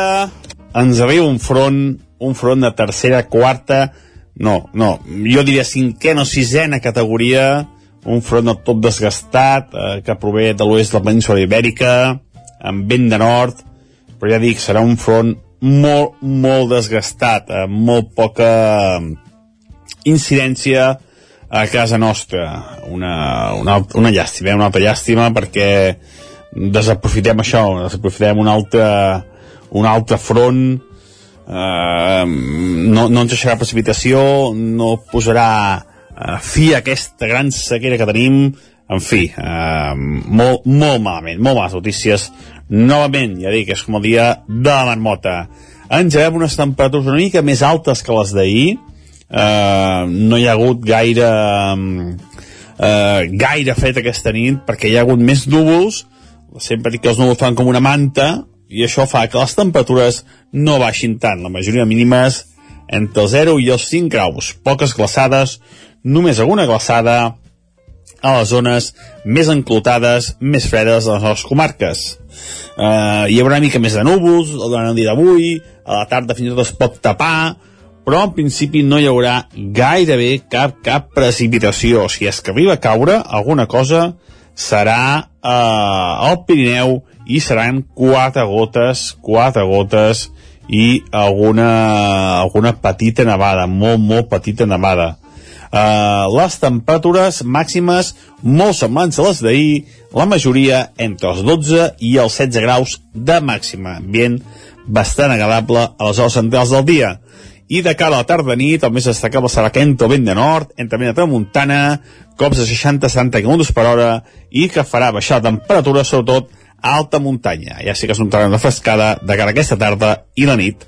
I això és tot. Eh, dia marcat per aquest front de cinquena, sisena categoria, una mica més de núvols, quatre volves de neu si es que diuen a caure, i a la nit entre la tramuntana, que es anirà reforçant durant tota la nit en cops eh, moderats a forts cap al Pirineu. Moltes gràcies, fins demà, adeu. Casa Tarradellas us ha ofert aquest espai. Territori 17. Envia'ns les teves notes de veu per WhatsApp al 646 079 023. 646 079 023. WhatsApp Territori 17.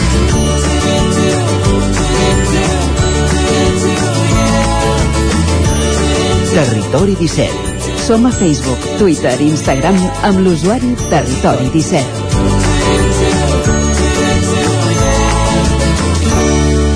I quan passa un minut i mig d'un quart d'onze del matí al Territori 17, Territori Sostenible.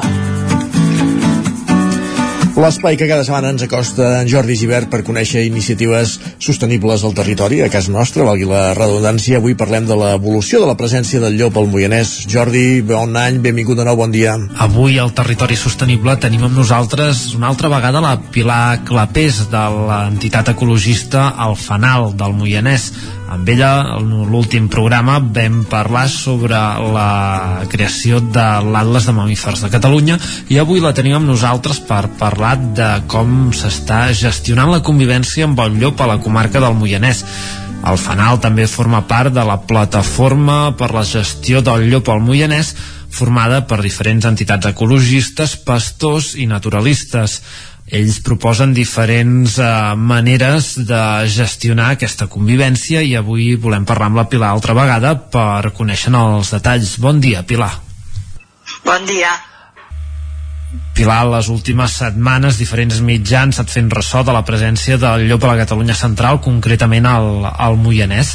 Ens podries eh, començar explicant quina, quina, com és aquesta presència del llop a, a la comarca? Valen. Uh, mira, t'he de dir que nosaltres, amb, amb tot el que és la metodologia de l'Atlas, no, no ens ha sortit. Uh -huh. Um, però sí que se sap eh, i es tenen evidències pels atacs que hi ha hagut als ramats i pel seguiment posterior que, ha fet, uh, els, que han fet els agents rurals. Uh -huh. vale? I a la comarca hi és, hi ha un, un exemplar, un mascle, uh, que fa doncs, una mica més d'un any que està per la comarca, um, i és molt difícil dir on està perquè pensa que en un dia pot recórrer 50 quilòmetres vull dir que uh -huh. segur que surt també dels límits de la comarca saps què vull dir? perquè no és tan gran però, però que sembla que s'ha instal·lat bastant aquí perquè vulguis que no mm, tenim una quantitat d'ungulats bastant important quan dic ungulats vull dir senglars i, i cabirol Uh -huh. i per tant té, té fàcil no? Uh, uh, l'accés al menjar és una zona molt forestal que es pot amagar bé també. Llavors m'imagino que s'hi sent còmode Clar, uh, ens parlaves de, de que clar, té, té molta, molt aliment, diguéssim, té la, les seves preses a, a, a, a prop i amb abundància, i, però també que ha causat atacs a, a ramats de, de pastors. Com, com s'ha de gestionar o com creieu des del fanal que s'ha de gestionar aquesta convivència uh, amb, amb aquesta espècie? Clar, aquí està la clau el, aquests que no, que no t'he comentat, aquest llop o aquests llops que, que han aparegut, perquè també el 2011 també en va aparèixer un que va, va fer uns atacs i llavors no se n'ha sapigut res més, um, venen de les poblacions italianes que han anat augmentant, eh, que han passat a França i de França han saltat cap aquí. Eh, vull dir que no, no és una espècie que s'hagi introduït expressament, aquí no hi ha ningú que hagi tirat llops a la muntanya, sinó que per la pròpia expansió de, de les poblacions italianes doncs està arribant a Catalunya. Uh -huh. Actualment eh, hi ha constància de 4 o 5 llops, eh, tot mascles i soli individus solitaris. Um, i la pregunta era si els ramats, els ramats sí, sí que... Sí, com, com s'ha de gestionar la, la convivència, sí, clar, diguéssim. És, és, és, és molt difícil el tema aquest, perquè, com tu molt bé pots pensar, una cosa és perseguir un cabiral pel mig del bosc i una altra és eh, entrar en un lloc que hi hagi un ramat d'ovelles o de cabres i, mm. i polir-te'n, perquè és molt més fàcil, no? Sí, és... Per i... tant, eh, uh -huh. és, eh, si has de caçar o vas al súper, no? Quasi, i, i clar, és molt més fàcil. Llavors, eh, la convivència entre el llop i els ramats passa per per protegir els ramats. Uh Mhm. -huh. no, no hi ha més no hi ha més i, i que si per desgràcia hi ha un atac eh, doncs eh, des de l'administració es, es pugui cobrir tot, totes les despeses reals que hi ha no? Uh -huh. això és una mica el que argumentàvem en, eh, quan explicàvem hem, hem creat una plataforma Uh -huh. per la gestió del llop al Moianès eh, ramaders i, i, i conservacionistes, no? Uh -huh. Perquè el que està clar és que si quan un, com els últims atacs que hi han hagut, no? I, um, quan un ramader té un atac, no només perd aquella bèstia que, que, li, ha, que li ha mort, el llop. Sí.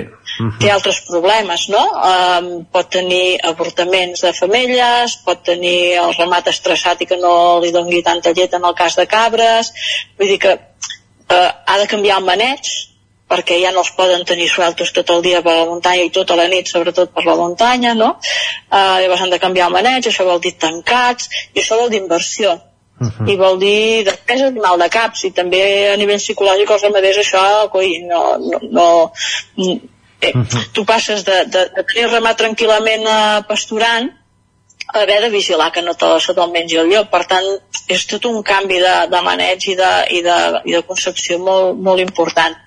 I aquí, eh, amb la plataforma, el que intentem és que, que l'administració, si realment vol eh, protegir el llop, eh, doncs inverteixi en protegir els ramats i els ramaders abans. Uh -huh. Perquè si no, si, quan vam fer, vam fer una, una xerrada Uh -huh. perquè primer era, hi ha el no però no es pot dir i, i tal, perquè sempre hi ha por que algú es prengui la justícia per la seva banda no? Sí. um, però ja quan ja va sortir a premsa eh, que va sortir el dia ara a l'ara uh, vam dir ara això ho hem, ho hem d'explicar a la població no? i vam fer una xerrada a mitjans de juliol i va venir un representant de la Generalitat eh, dels que han de pagar les, les indemnitzacions i, i va dir que la seva filosofia era acció-reacció. I eh, creiem que estan molt equivocats en, en aquest sentit perquè si tu l'únic que fas és per cabra morta que pugui demostrar que se l'ha menjat el llop jo et pago el que val la cabra Uh -huh. no estem protegint els ramats i els ramaders.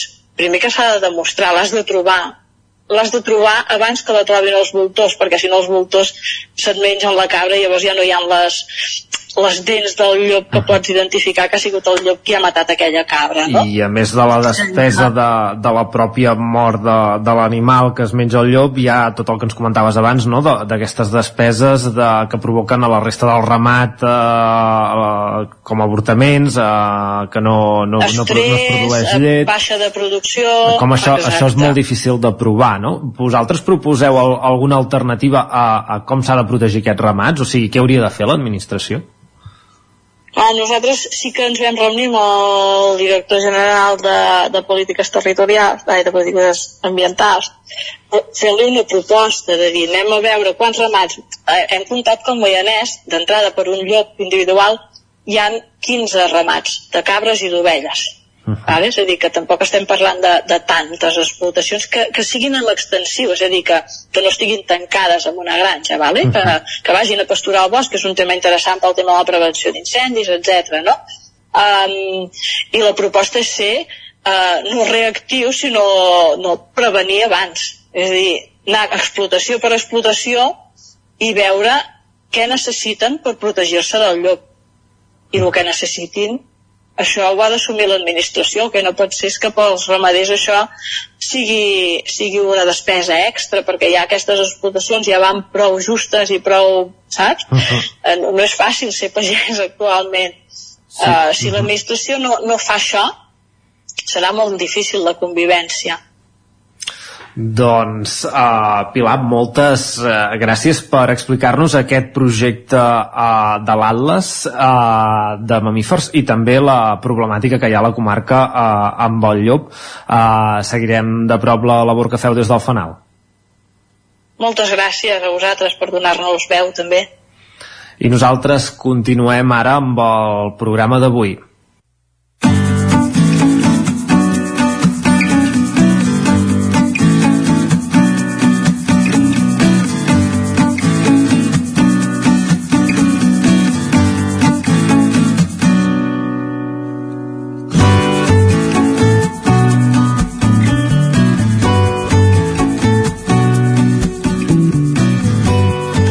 Doncs amb el territori sostenible arribem a la pausa que fem cada dia a aquesta hora, 3 minuts de pausa i tornem de seguida amb la recta final del territori 17 d'aquest dimecres.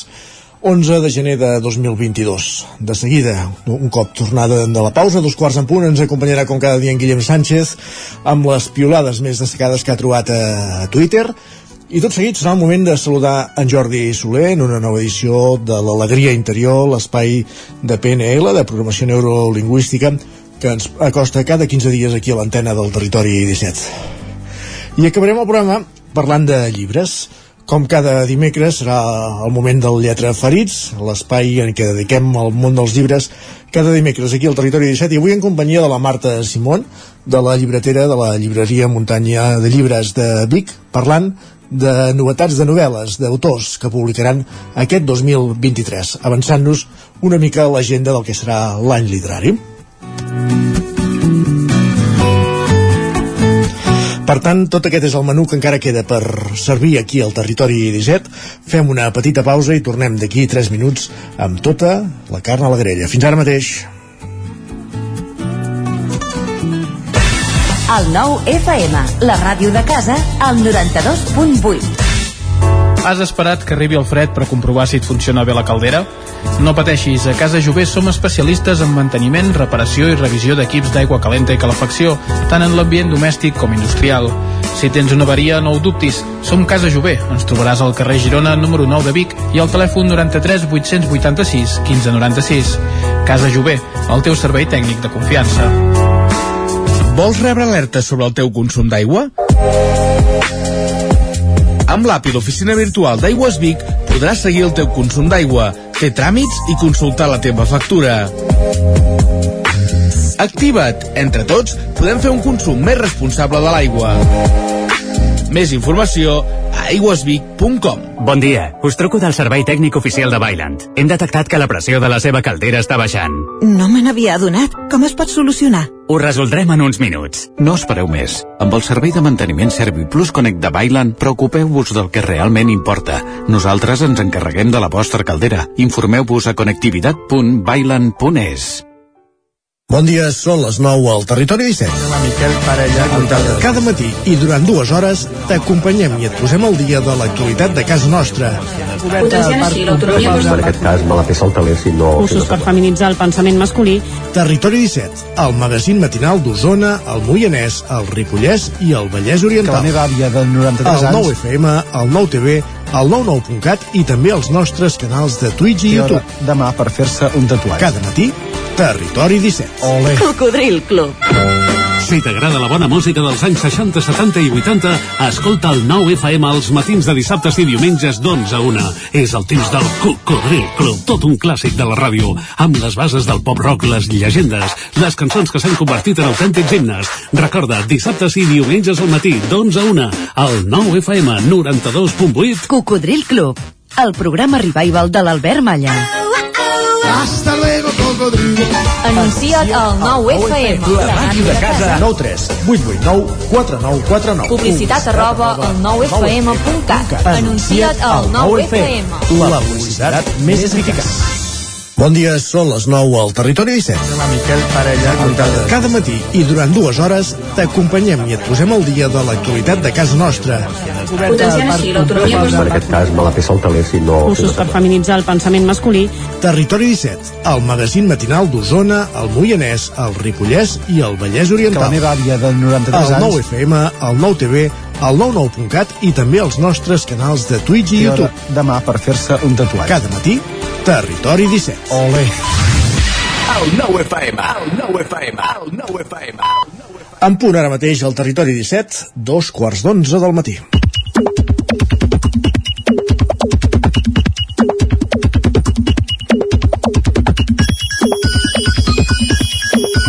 I els que ens veieu, ja veieu en Guillem Sánchez assegut a l'estudi, per tant és moment d'endinsar-nos al món de Twitter. Guillem, bon dia, benvingut. Bon dia, Isaac. Bon dia, bon dia. Quines són les piolades més destacades que has trobat en les darreres hores a la xarxa de l'Elon Musk? Doncs mira, eh, no perdem més el temps i comencem amb un relat de l'Antoni que té la seva gràcia. A veure. Antoni, va, explica'ns. Vinga, ahir va estar nevant tota la nit. Em vaig llevar al un, matí... Un, un, un, no li hem demanat enlloc. Ah, entesos. Em vaig llevar al matí i a les 8 vaig fer un ninot de neu. Dos quarts de nou, una feminista va passar i em va preguntar per què no havia fet una dona de neu. Un quart de deu vaig fer una dona de neu.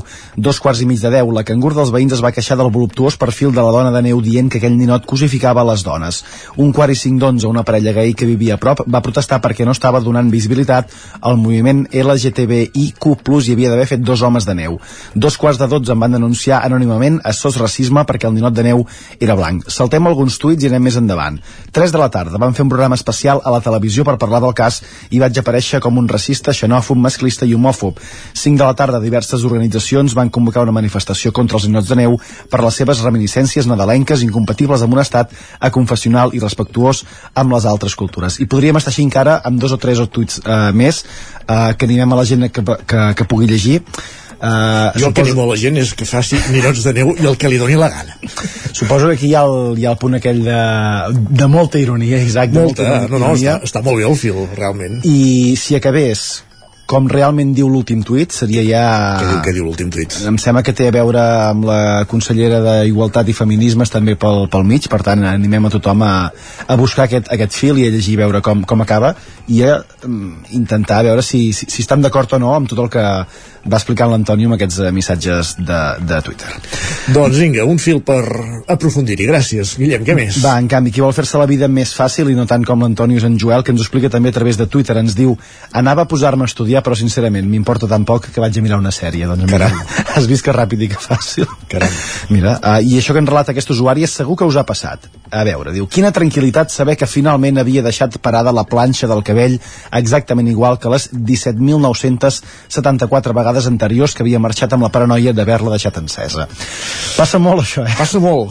Passa molt això, i de fet, la resposta que li dona Nil a mi també m'ha passat moltíssim. Diu, la planxa del cabell és el meu cotxe tancat. Jo he de dir que em passa amb la porta del graig de, de casa. Hi ha vegades que he sortit de casa, he vist la porta tancant-se i he hagut de donar la volta per assegurar que estava per assegurar tancada. que estava tancada eh, pujat ja al cotxe vull dir que, bueno, a vegades unes, unes paranoies que, que no sabem d'on poden sortir i parlant de vehicles i de transport llegim en Bru que ens diu hauria d'investigar-se el misteri dels trens que desapareixen a la Renfa el tren de les 9.41 s'ha esveït i fins a les 10 i un minut no en passa cap altre Quarto mil·lenni. el que no sabem, això ho va escriure em sembla ahir, no sabem si el tren de les 10 i un minut va acabar passant o no, de fet li podríem, li podríem demanar perquè a vegades això dels horaris és una mica lleuger, no? Sí. Diguem-ho així. Però vinga, va, anem a parlar de coses que ens interessen més. L'Imma té dubtes i crec que els hi podem solucionar. Ah, ja. Diu, Plantar més de 20 cols a l'hort, sent només dos a casa, no és massa bona idea, però fa uns dies va arribar a la revista d'Agrocultura on hi ha diverses receptes per cuinar-la. Ahir al forn, avui saltejada amb panses i algun dia tocarà fer conserva com feia la iaia. Diu, alguna altra suggerència? De plats amb col? De plats amb col. Home, el primer que em ve al cap és el trinxat, però és molt bàsic, no? Però anda que no està bo. Sí, això és veritat. I a veure, més, més plats a... I poses botifarra negra o cansalada, tu?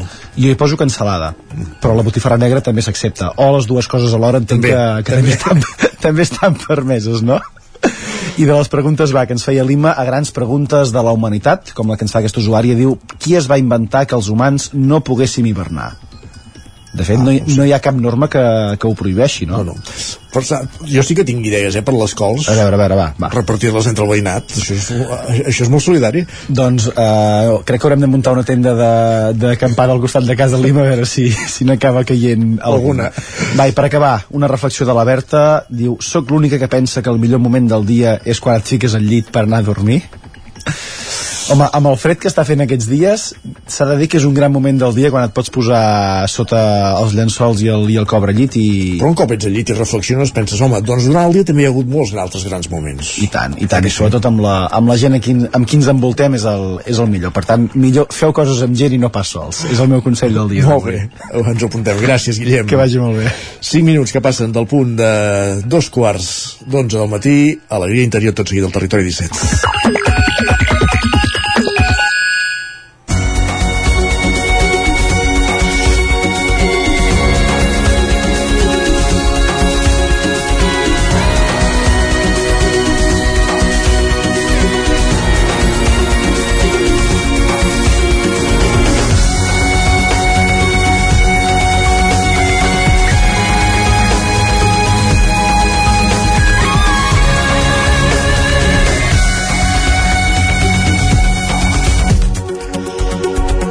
Com dèiem, 5 minuts, 5 minuts, ara ja 6 pràcticament, que passen de dos quarts d'onze del matí, ens acompanya ja l'estudi en Jordi Soler, uh, qui ja saludem. Benvingut Jordi, bon dia. Bon dia. I bon any. I bon any.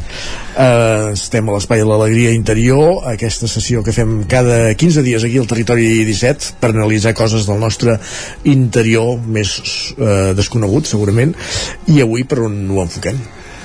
Vejam, avui de fet començarem l'any amb un altre concepte japonès no? fixa que aquesta temporada hem anat parlant de aquestes paraules màgiques que el Japó utilitzen per explicar i descriure conceptes molt amplis. En el cas d'avui és la paraula Obaitori Obaitori Obaitori Obaitori és el nom de quatre arbres fruiters al Japó que segons el creador d'aquest concepte doncs eh, representaven, reflectien diferents formes de ser, diferents personalitats, no? aquests quatre arbres fruiters amb floracions eh, diferents, tot i que semblants, però amb les seves particularitats, no feien res més que bueno, recordar-nos que cadascú de nosaltres és diferent, amb les nostres eh, parts més bones i menys bones, però tots tenim diguem que com que portar i hem d'acceptar aquestes diferències. El Baitori és una forma de dir no ens mirem cap a el que fan els altres i que nosaltres ens agradaria tenir, sinó mirem la part que tenim bona nostra, acceptem-la. O sigui, no entrem en comparances eh, tòxiques per nosaltres, sinó que entenguem que tots som diferents per la forma com, bueno, com hem crescut, l'educació, l'entorn social, eh, per molts aspectes que poden ajudar que ens enfoquem més cap a una vessant o més cap a una altra. Fixa't que amb els sistemes representacionals descrivíem a les persones com a visuals, auditives, sinestèsiques. Això, això mateix descriu que, que una persona sinestèsica no és ni millor ni pitjor que una altra, simplement que té desenvolupats uns sentits que li faciliten determinades coses i potser no n'hi faciliten tant d'altres. Però que això està bé, no? Llavors, el Baitori ens recorda això. Som diferents, acceptem aquestes diferències i en tot cas eh, utilitzem aquest concepte per millorar aspectes nostres, no? que el propòsit una mica d'aquestes sessions és això, no? utilitzar eh, els coneixements que podem anar recollint per portar una vida una mica més saludable, no? En tots els sentits, extern i intern. Uh -huh. Fixa't que amb els quatre acords parlàvem de transformar creences fa uns dies. L'Obaitori és també una eina per ajudant-nos a transformar creences, aquestes creences limitants. Aquí feien referència, per exemple, a una gent que parlant de l'obaitori, a l'etapa aquella del Covid, que la gent estaven recluïts no, a casa, després per les xarxes socials tenien molta informació i veien com persones que estaven recluïdes escrivien llibres, vull dir que feien grans coses i tenien una frustració de dir, ostres, jo no he fet la gimnàsia que fa aquest, no he, no he escrit els llibres que, que, que ha escrit aquest senyor, vull dir que sembla que tot el món vagi molt ràpid, jo estigui aquí tancat a casa sense fer res, no? I això crea molta frustració a moltes persones, dic, no, és que estem mirant certes persones que fan certes coses que potser ho estan fent molt bé però això no vol dir que nosaltres no estiguem fent el que toca fer o que no estiguem Correcte. avançant no? és a dir, doncs, els altres fan coses però tu en fas d'altres, no? segurament clar, i és entendre que, que tu veus les coses bones dels altres, no veus les dolentes no? Uh -huh. i a vegades això pot generar frustració i l'obaitori està enfocat cap a trencar aquesta creença transformar-la i adonar-te de tot el teu potencial, eh? de tota la part que tu d'alguna forma pots treure de tu mateix si utilitzes això amb el sentit positiu. El fet de veure una persona com triomfa ens pot crear enveja, ens pot crear doncs, eh, sentit d'inferioritat, eh, frustració, ens pot crear tot això, però si ho sabem aplicar des de la vessant de l'obaitori, podem dir, ep, què necessito jo per poder arribar aquí? Què puc fer jo per acostar-me aquí? Necessito això realment? Doncs sí, si ho necessito, això m'ha d'incentivar, m'ha de motivar, m'ha d'obrir el camí, no? m'ha d'obrir els ulls per dir, doncs va, jo ara em poso també a fer gimnàsia, a fer exercici, a cuidar la meva salut. Eh, aquest projecte que em fa tanta il·lusió, doncs començo pel primer pas. Eh? Filosofia Kaizen, una altra paraula també així molt àmplia, d'origen japonès, que és petits passos per continus. Eh? Vull dir que el fet d'utilitzar els èxits que veiem amb gent de fora per motivar-nos, això és una bona utilització, és saber aplicar l'obaitori. Uh -huh. Allò, enfonsar-nos, tornar-nos petits, com veiem que tot al nostre voltant sembla que sigui millor i que nosaltres no avancem tot el que hauríem d'avançar, això és anar en contra nostra. Per tant, com ho hem de corregir, aquesta conducta? Vejam. O com podem, quines eines tenim per sí, corregir-la? Una, una primera eina és ser amables amb nosaltres mateixos eh? tendim molt a criticar-nos a veure doncs, uf, tota la part diguéssim que no hem fet no? i mm, obviem tots els nostres potencials el que sí que hem fet eh? tenim aquesta mirada diguéssim esbiaixada cap a la nostra part mm, més, més, més defectuosa, no? Doncs ser amables amb nosaltres mateixos, aprendre dels errors en lloc d'enfonsar-nos i celebrar els nostres èxits i no jutjar-nos, eh? aquest jutge interior. Doncs eh, transformar-ho. Una segona eina, una segona eina és agrair el que tenim.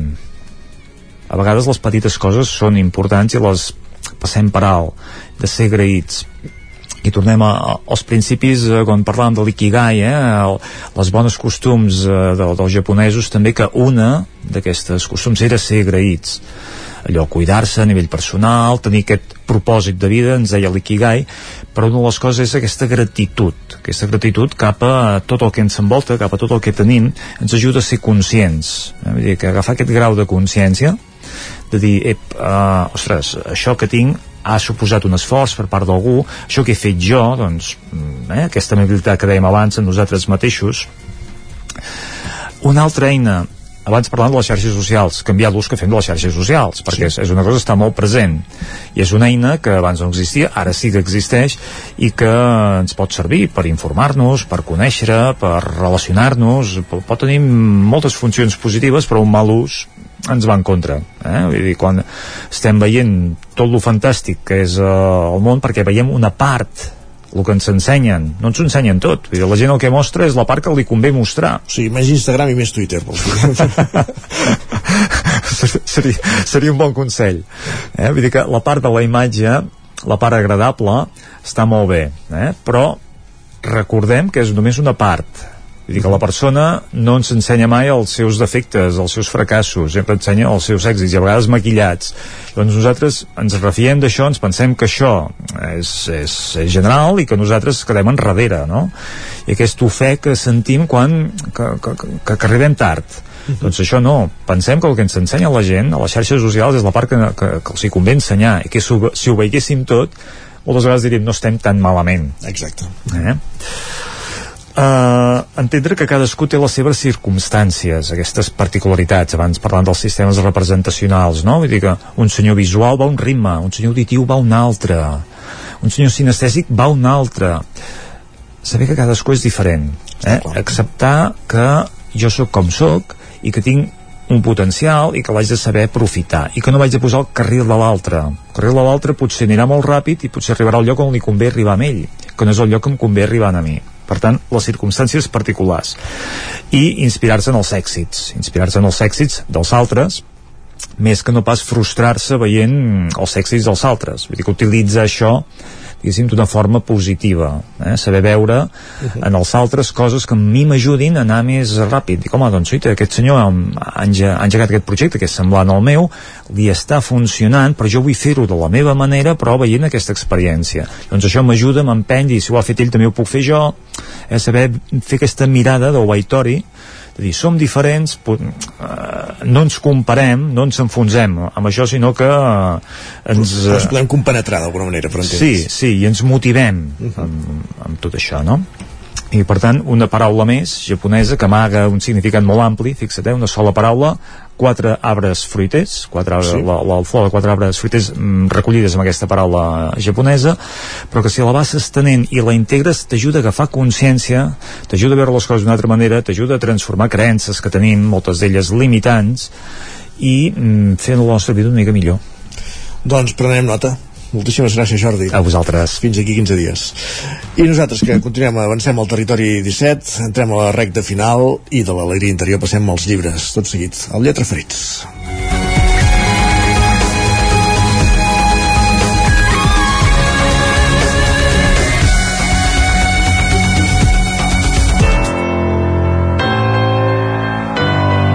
Territori, Territori 17. 17. Territori 17.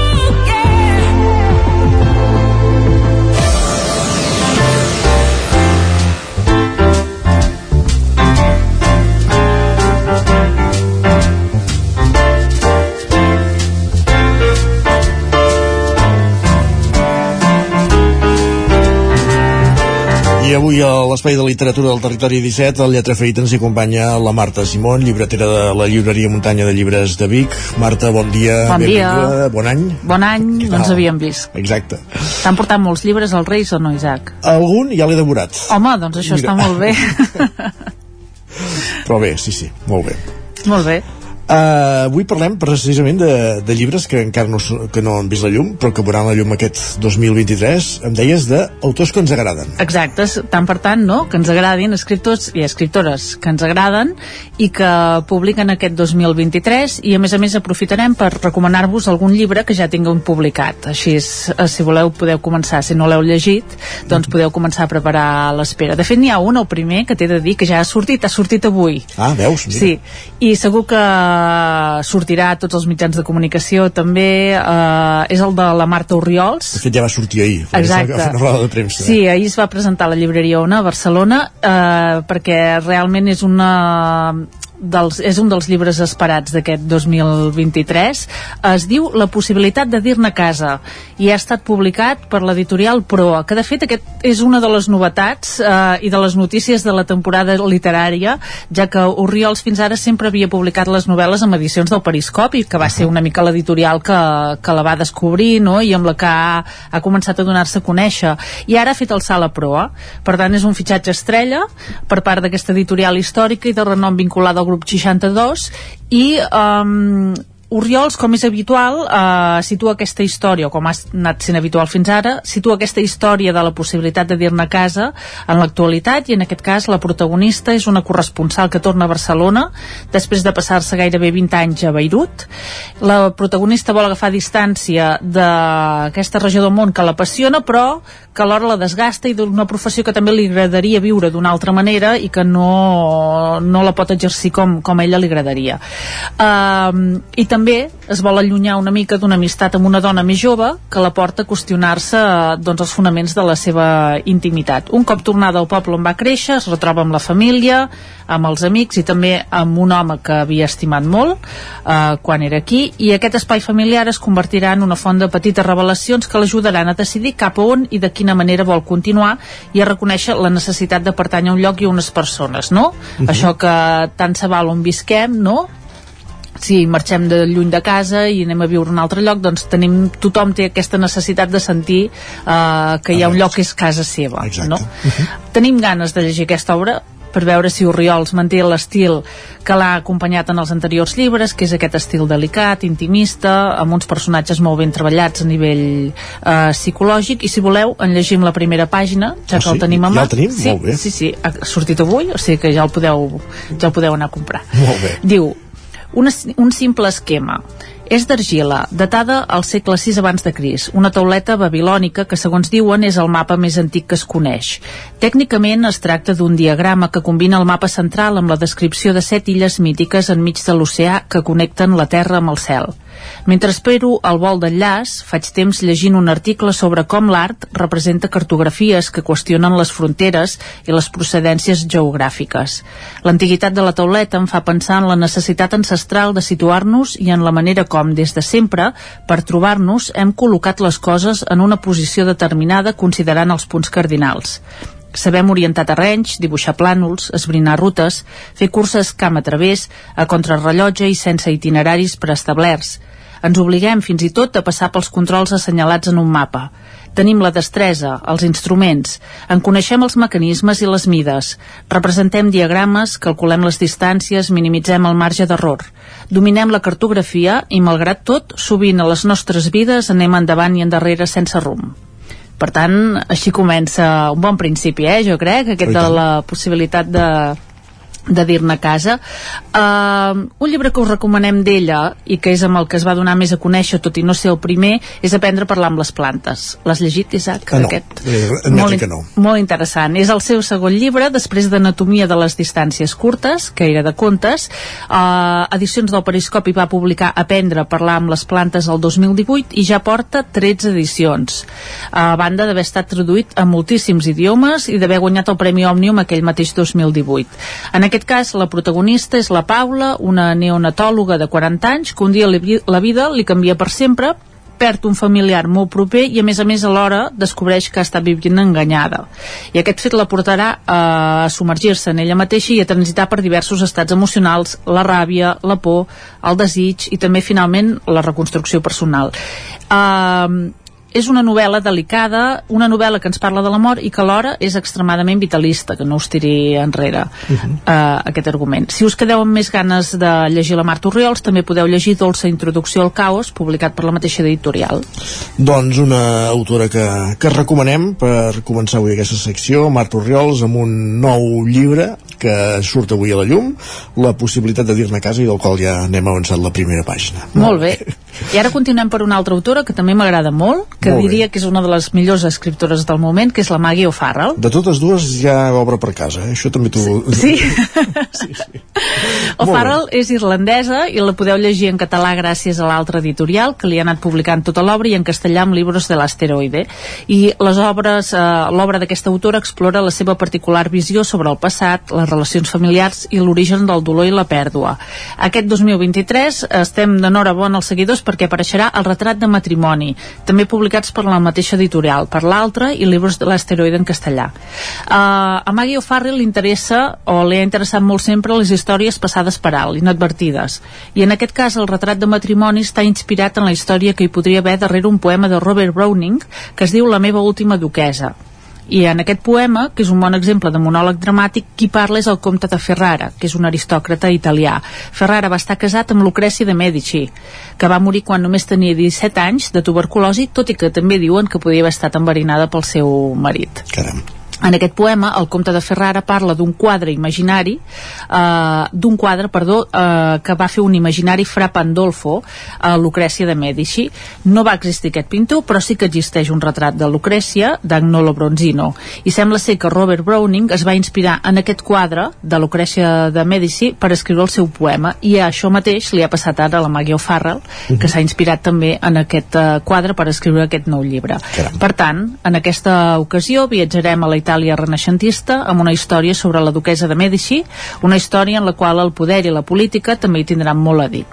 Si teniu ganes també, mentrestant, de llegir O'Farrell i no podeu esperar, us recomanem moltíssim Hamnet, que és la seva darrera obra publicada fins ara i de la qual em sembla que ja us n'havíem parlat aquí Diria que sí. Uh, Hamnet també s'inspira en el passat i en aquest cas ficciona la història que hi podria haver darrere d'una de les grans tragèdies de la literatura que és uh, Hamlet, on Farrell ens parla de la família de Shakespeare, de la qual no se'n sap pràcticament res, barreja les poques dades que sabem amb, amb, el que, amb, amb la seva història imaginada, amb la seva imaginació i un dels grans encerts del llibre és la figura precisament de la dona de Shakespeare, l'Agnès, que se l'imagina com una dona mig bruixa, una dona que veu el món com no el veu ningú més i que ha de sobreviure a la pitjor mort de totes, que és la de un fill. Un llibre que ens permet descobrir com amb l'art i amb la literatura tenim la possibilitat de superar el dolor i tirar endavant. Uh -huh. Per tant, molt recomanable també. Doncs aquesta obra, una, aquesta altra autora que també, com dèiem, que, que publica un llibre, publicarà un llibre aquest 2023, el retrat de matrimoni de Maggie O'Farrell. Més autors, va. Pep Coll. Aquest sí que és sí. autor. Pep Coll, eh, al principi parlàvem d'una autora que s'estrena a proa i ara parlem eh, d'un autor que ja ha publicat tota la seva obra i en aquest cas ja és força extensa. Parlem d'en Pep Coll, que és l'escriptor del Pallars Jussà, que és autor d'una llarga llista de llibres, com ara Muntanyes Maleïdes, La Mula Vella, El salvatge dels Pirineus, Les senyoretes de Lourdes, El mateix riu d'Heràclit i L'any que va caure la roca. D'aquest autor, un llibre que val molt la pena és Dos teuts negres i dos de blancs, uh -huh. que va publicar el 2013. Amb aquest llibre Pep Coll va guanyar diversos premis, el Premi de la Crítica, el Creixells, l'Amat Pinella, eh, i ara eh, que s'han posat tant de moda els llibres dels que es coneix com a True Crime, podríem dir que aquest va ser un dels primers i fa força temps d'això.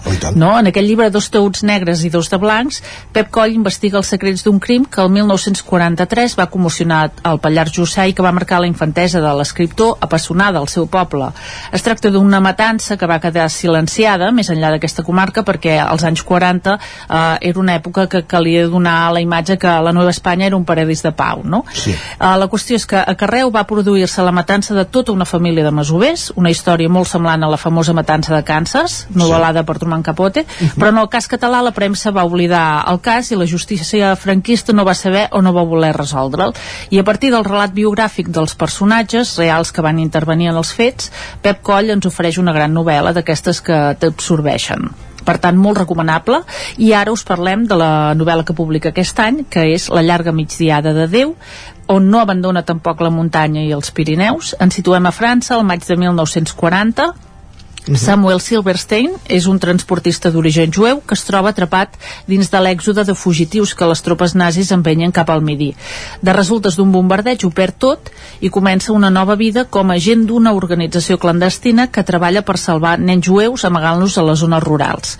Uh, Silverstein treballa de venedor ambulant i això li permet doncs, anar d'un poble a l'altre sense cridar l'atenció. En un dels trajectes descobrirà un monestir en ruïnes on sobreviuen desenes d'infants i adolescents sota sota l'amenaça constants dels gendarmes a les ordres del govern de Vichy. Per tant, una nova novel·la de Pep Coll amb les muntanyes i els Pirineus com a taló de fons que de ben segur no decepcionarà. Molt bé, tenim un minut per la restant. Molt bé, doncs parlarem només del llibre nou, si et sembla, és de l'Otessa Moschfek, eh, que publica La Bona, Uh, Moschfik és una escriptora jove sempre sorprenent, que no deixa mai indiferent. Ens va sorprendre amb el meu any de descans i relaxació, publicat per Angle Editorial i el Faguar en castellà.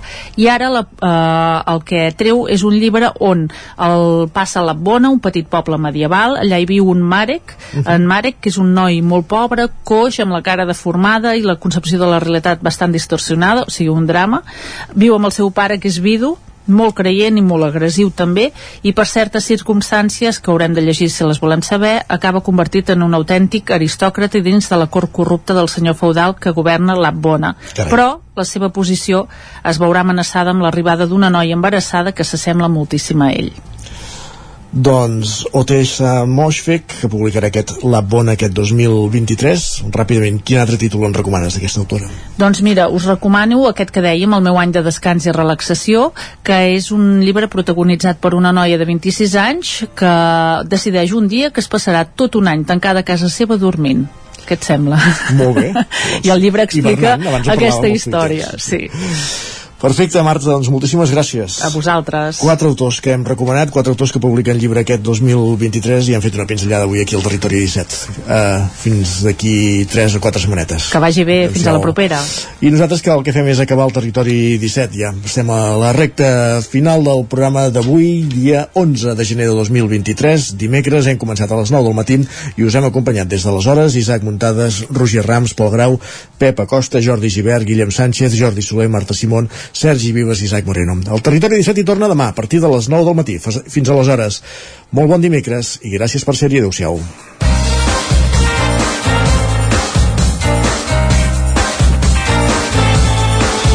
Territori 17, un magazín del nou FM. La veu de Sant Joan, Ona Codinenca i Ràdio Cardedeu amb el suport de la xarxa.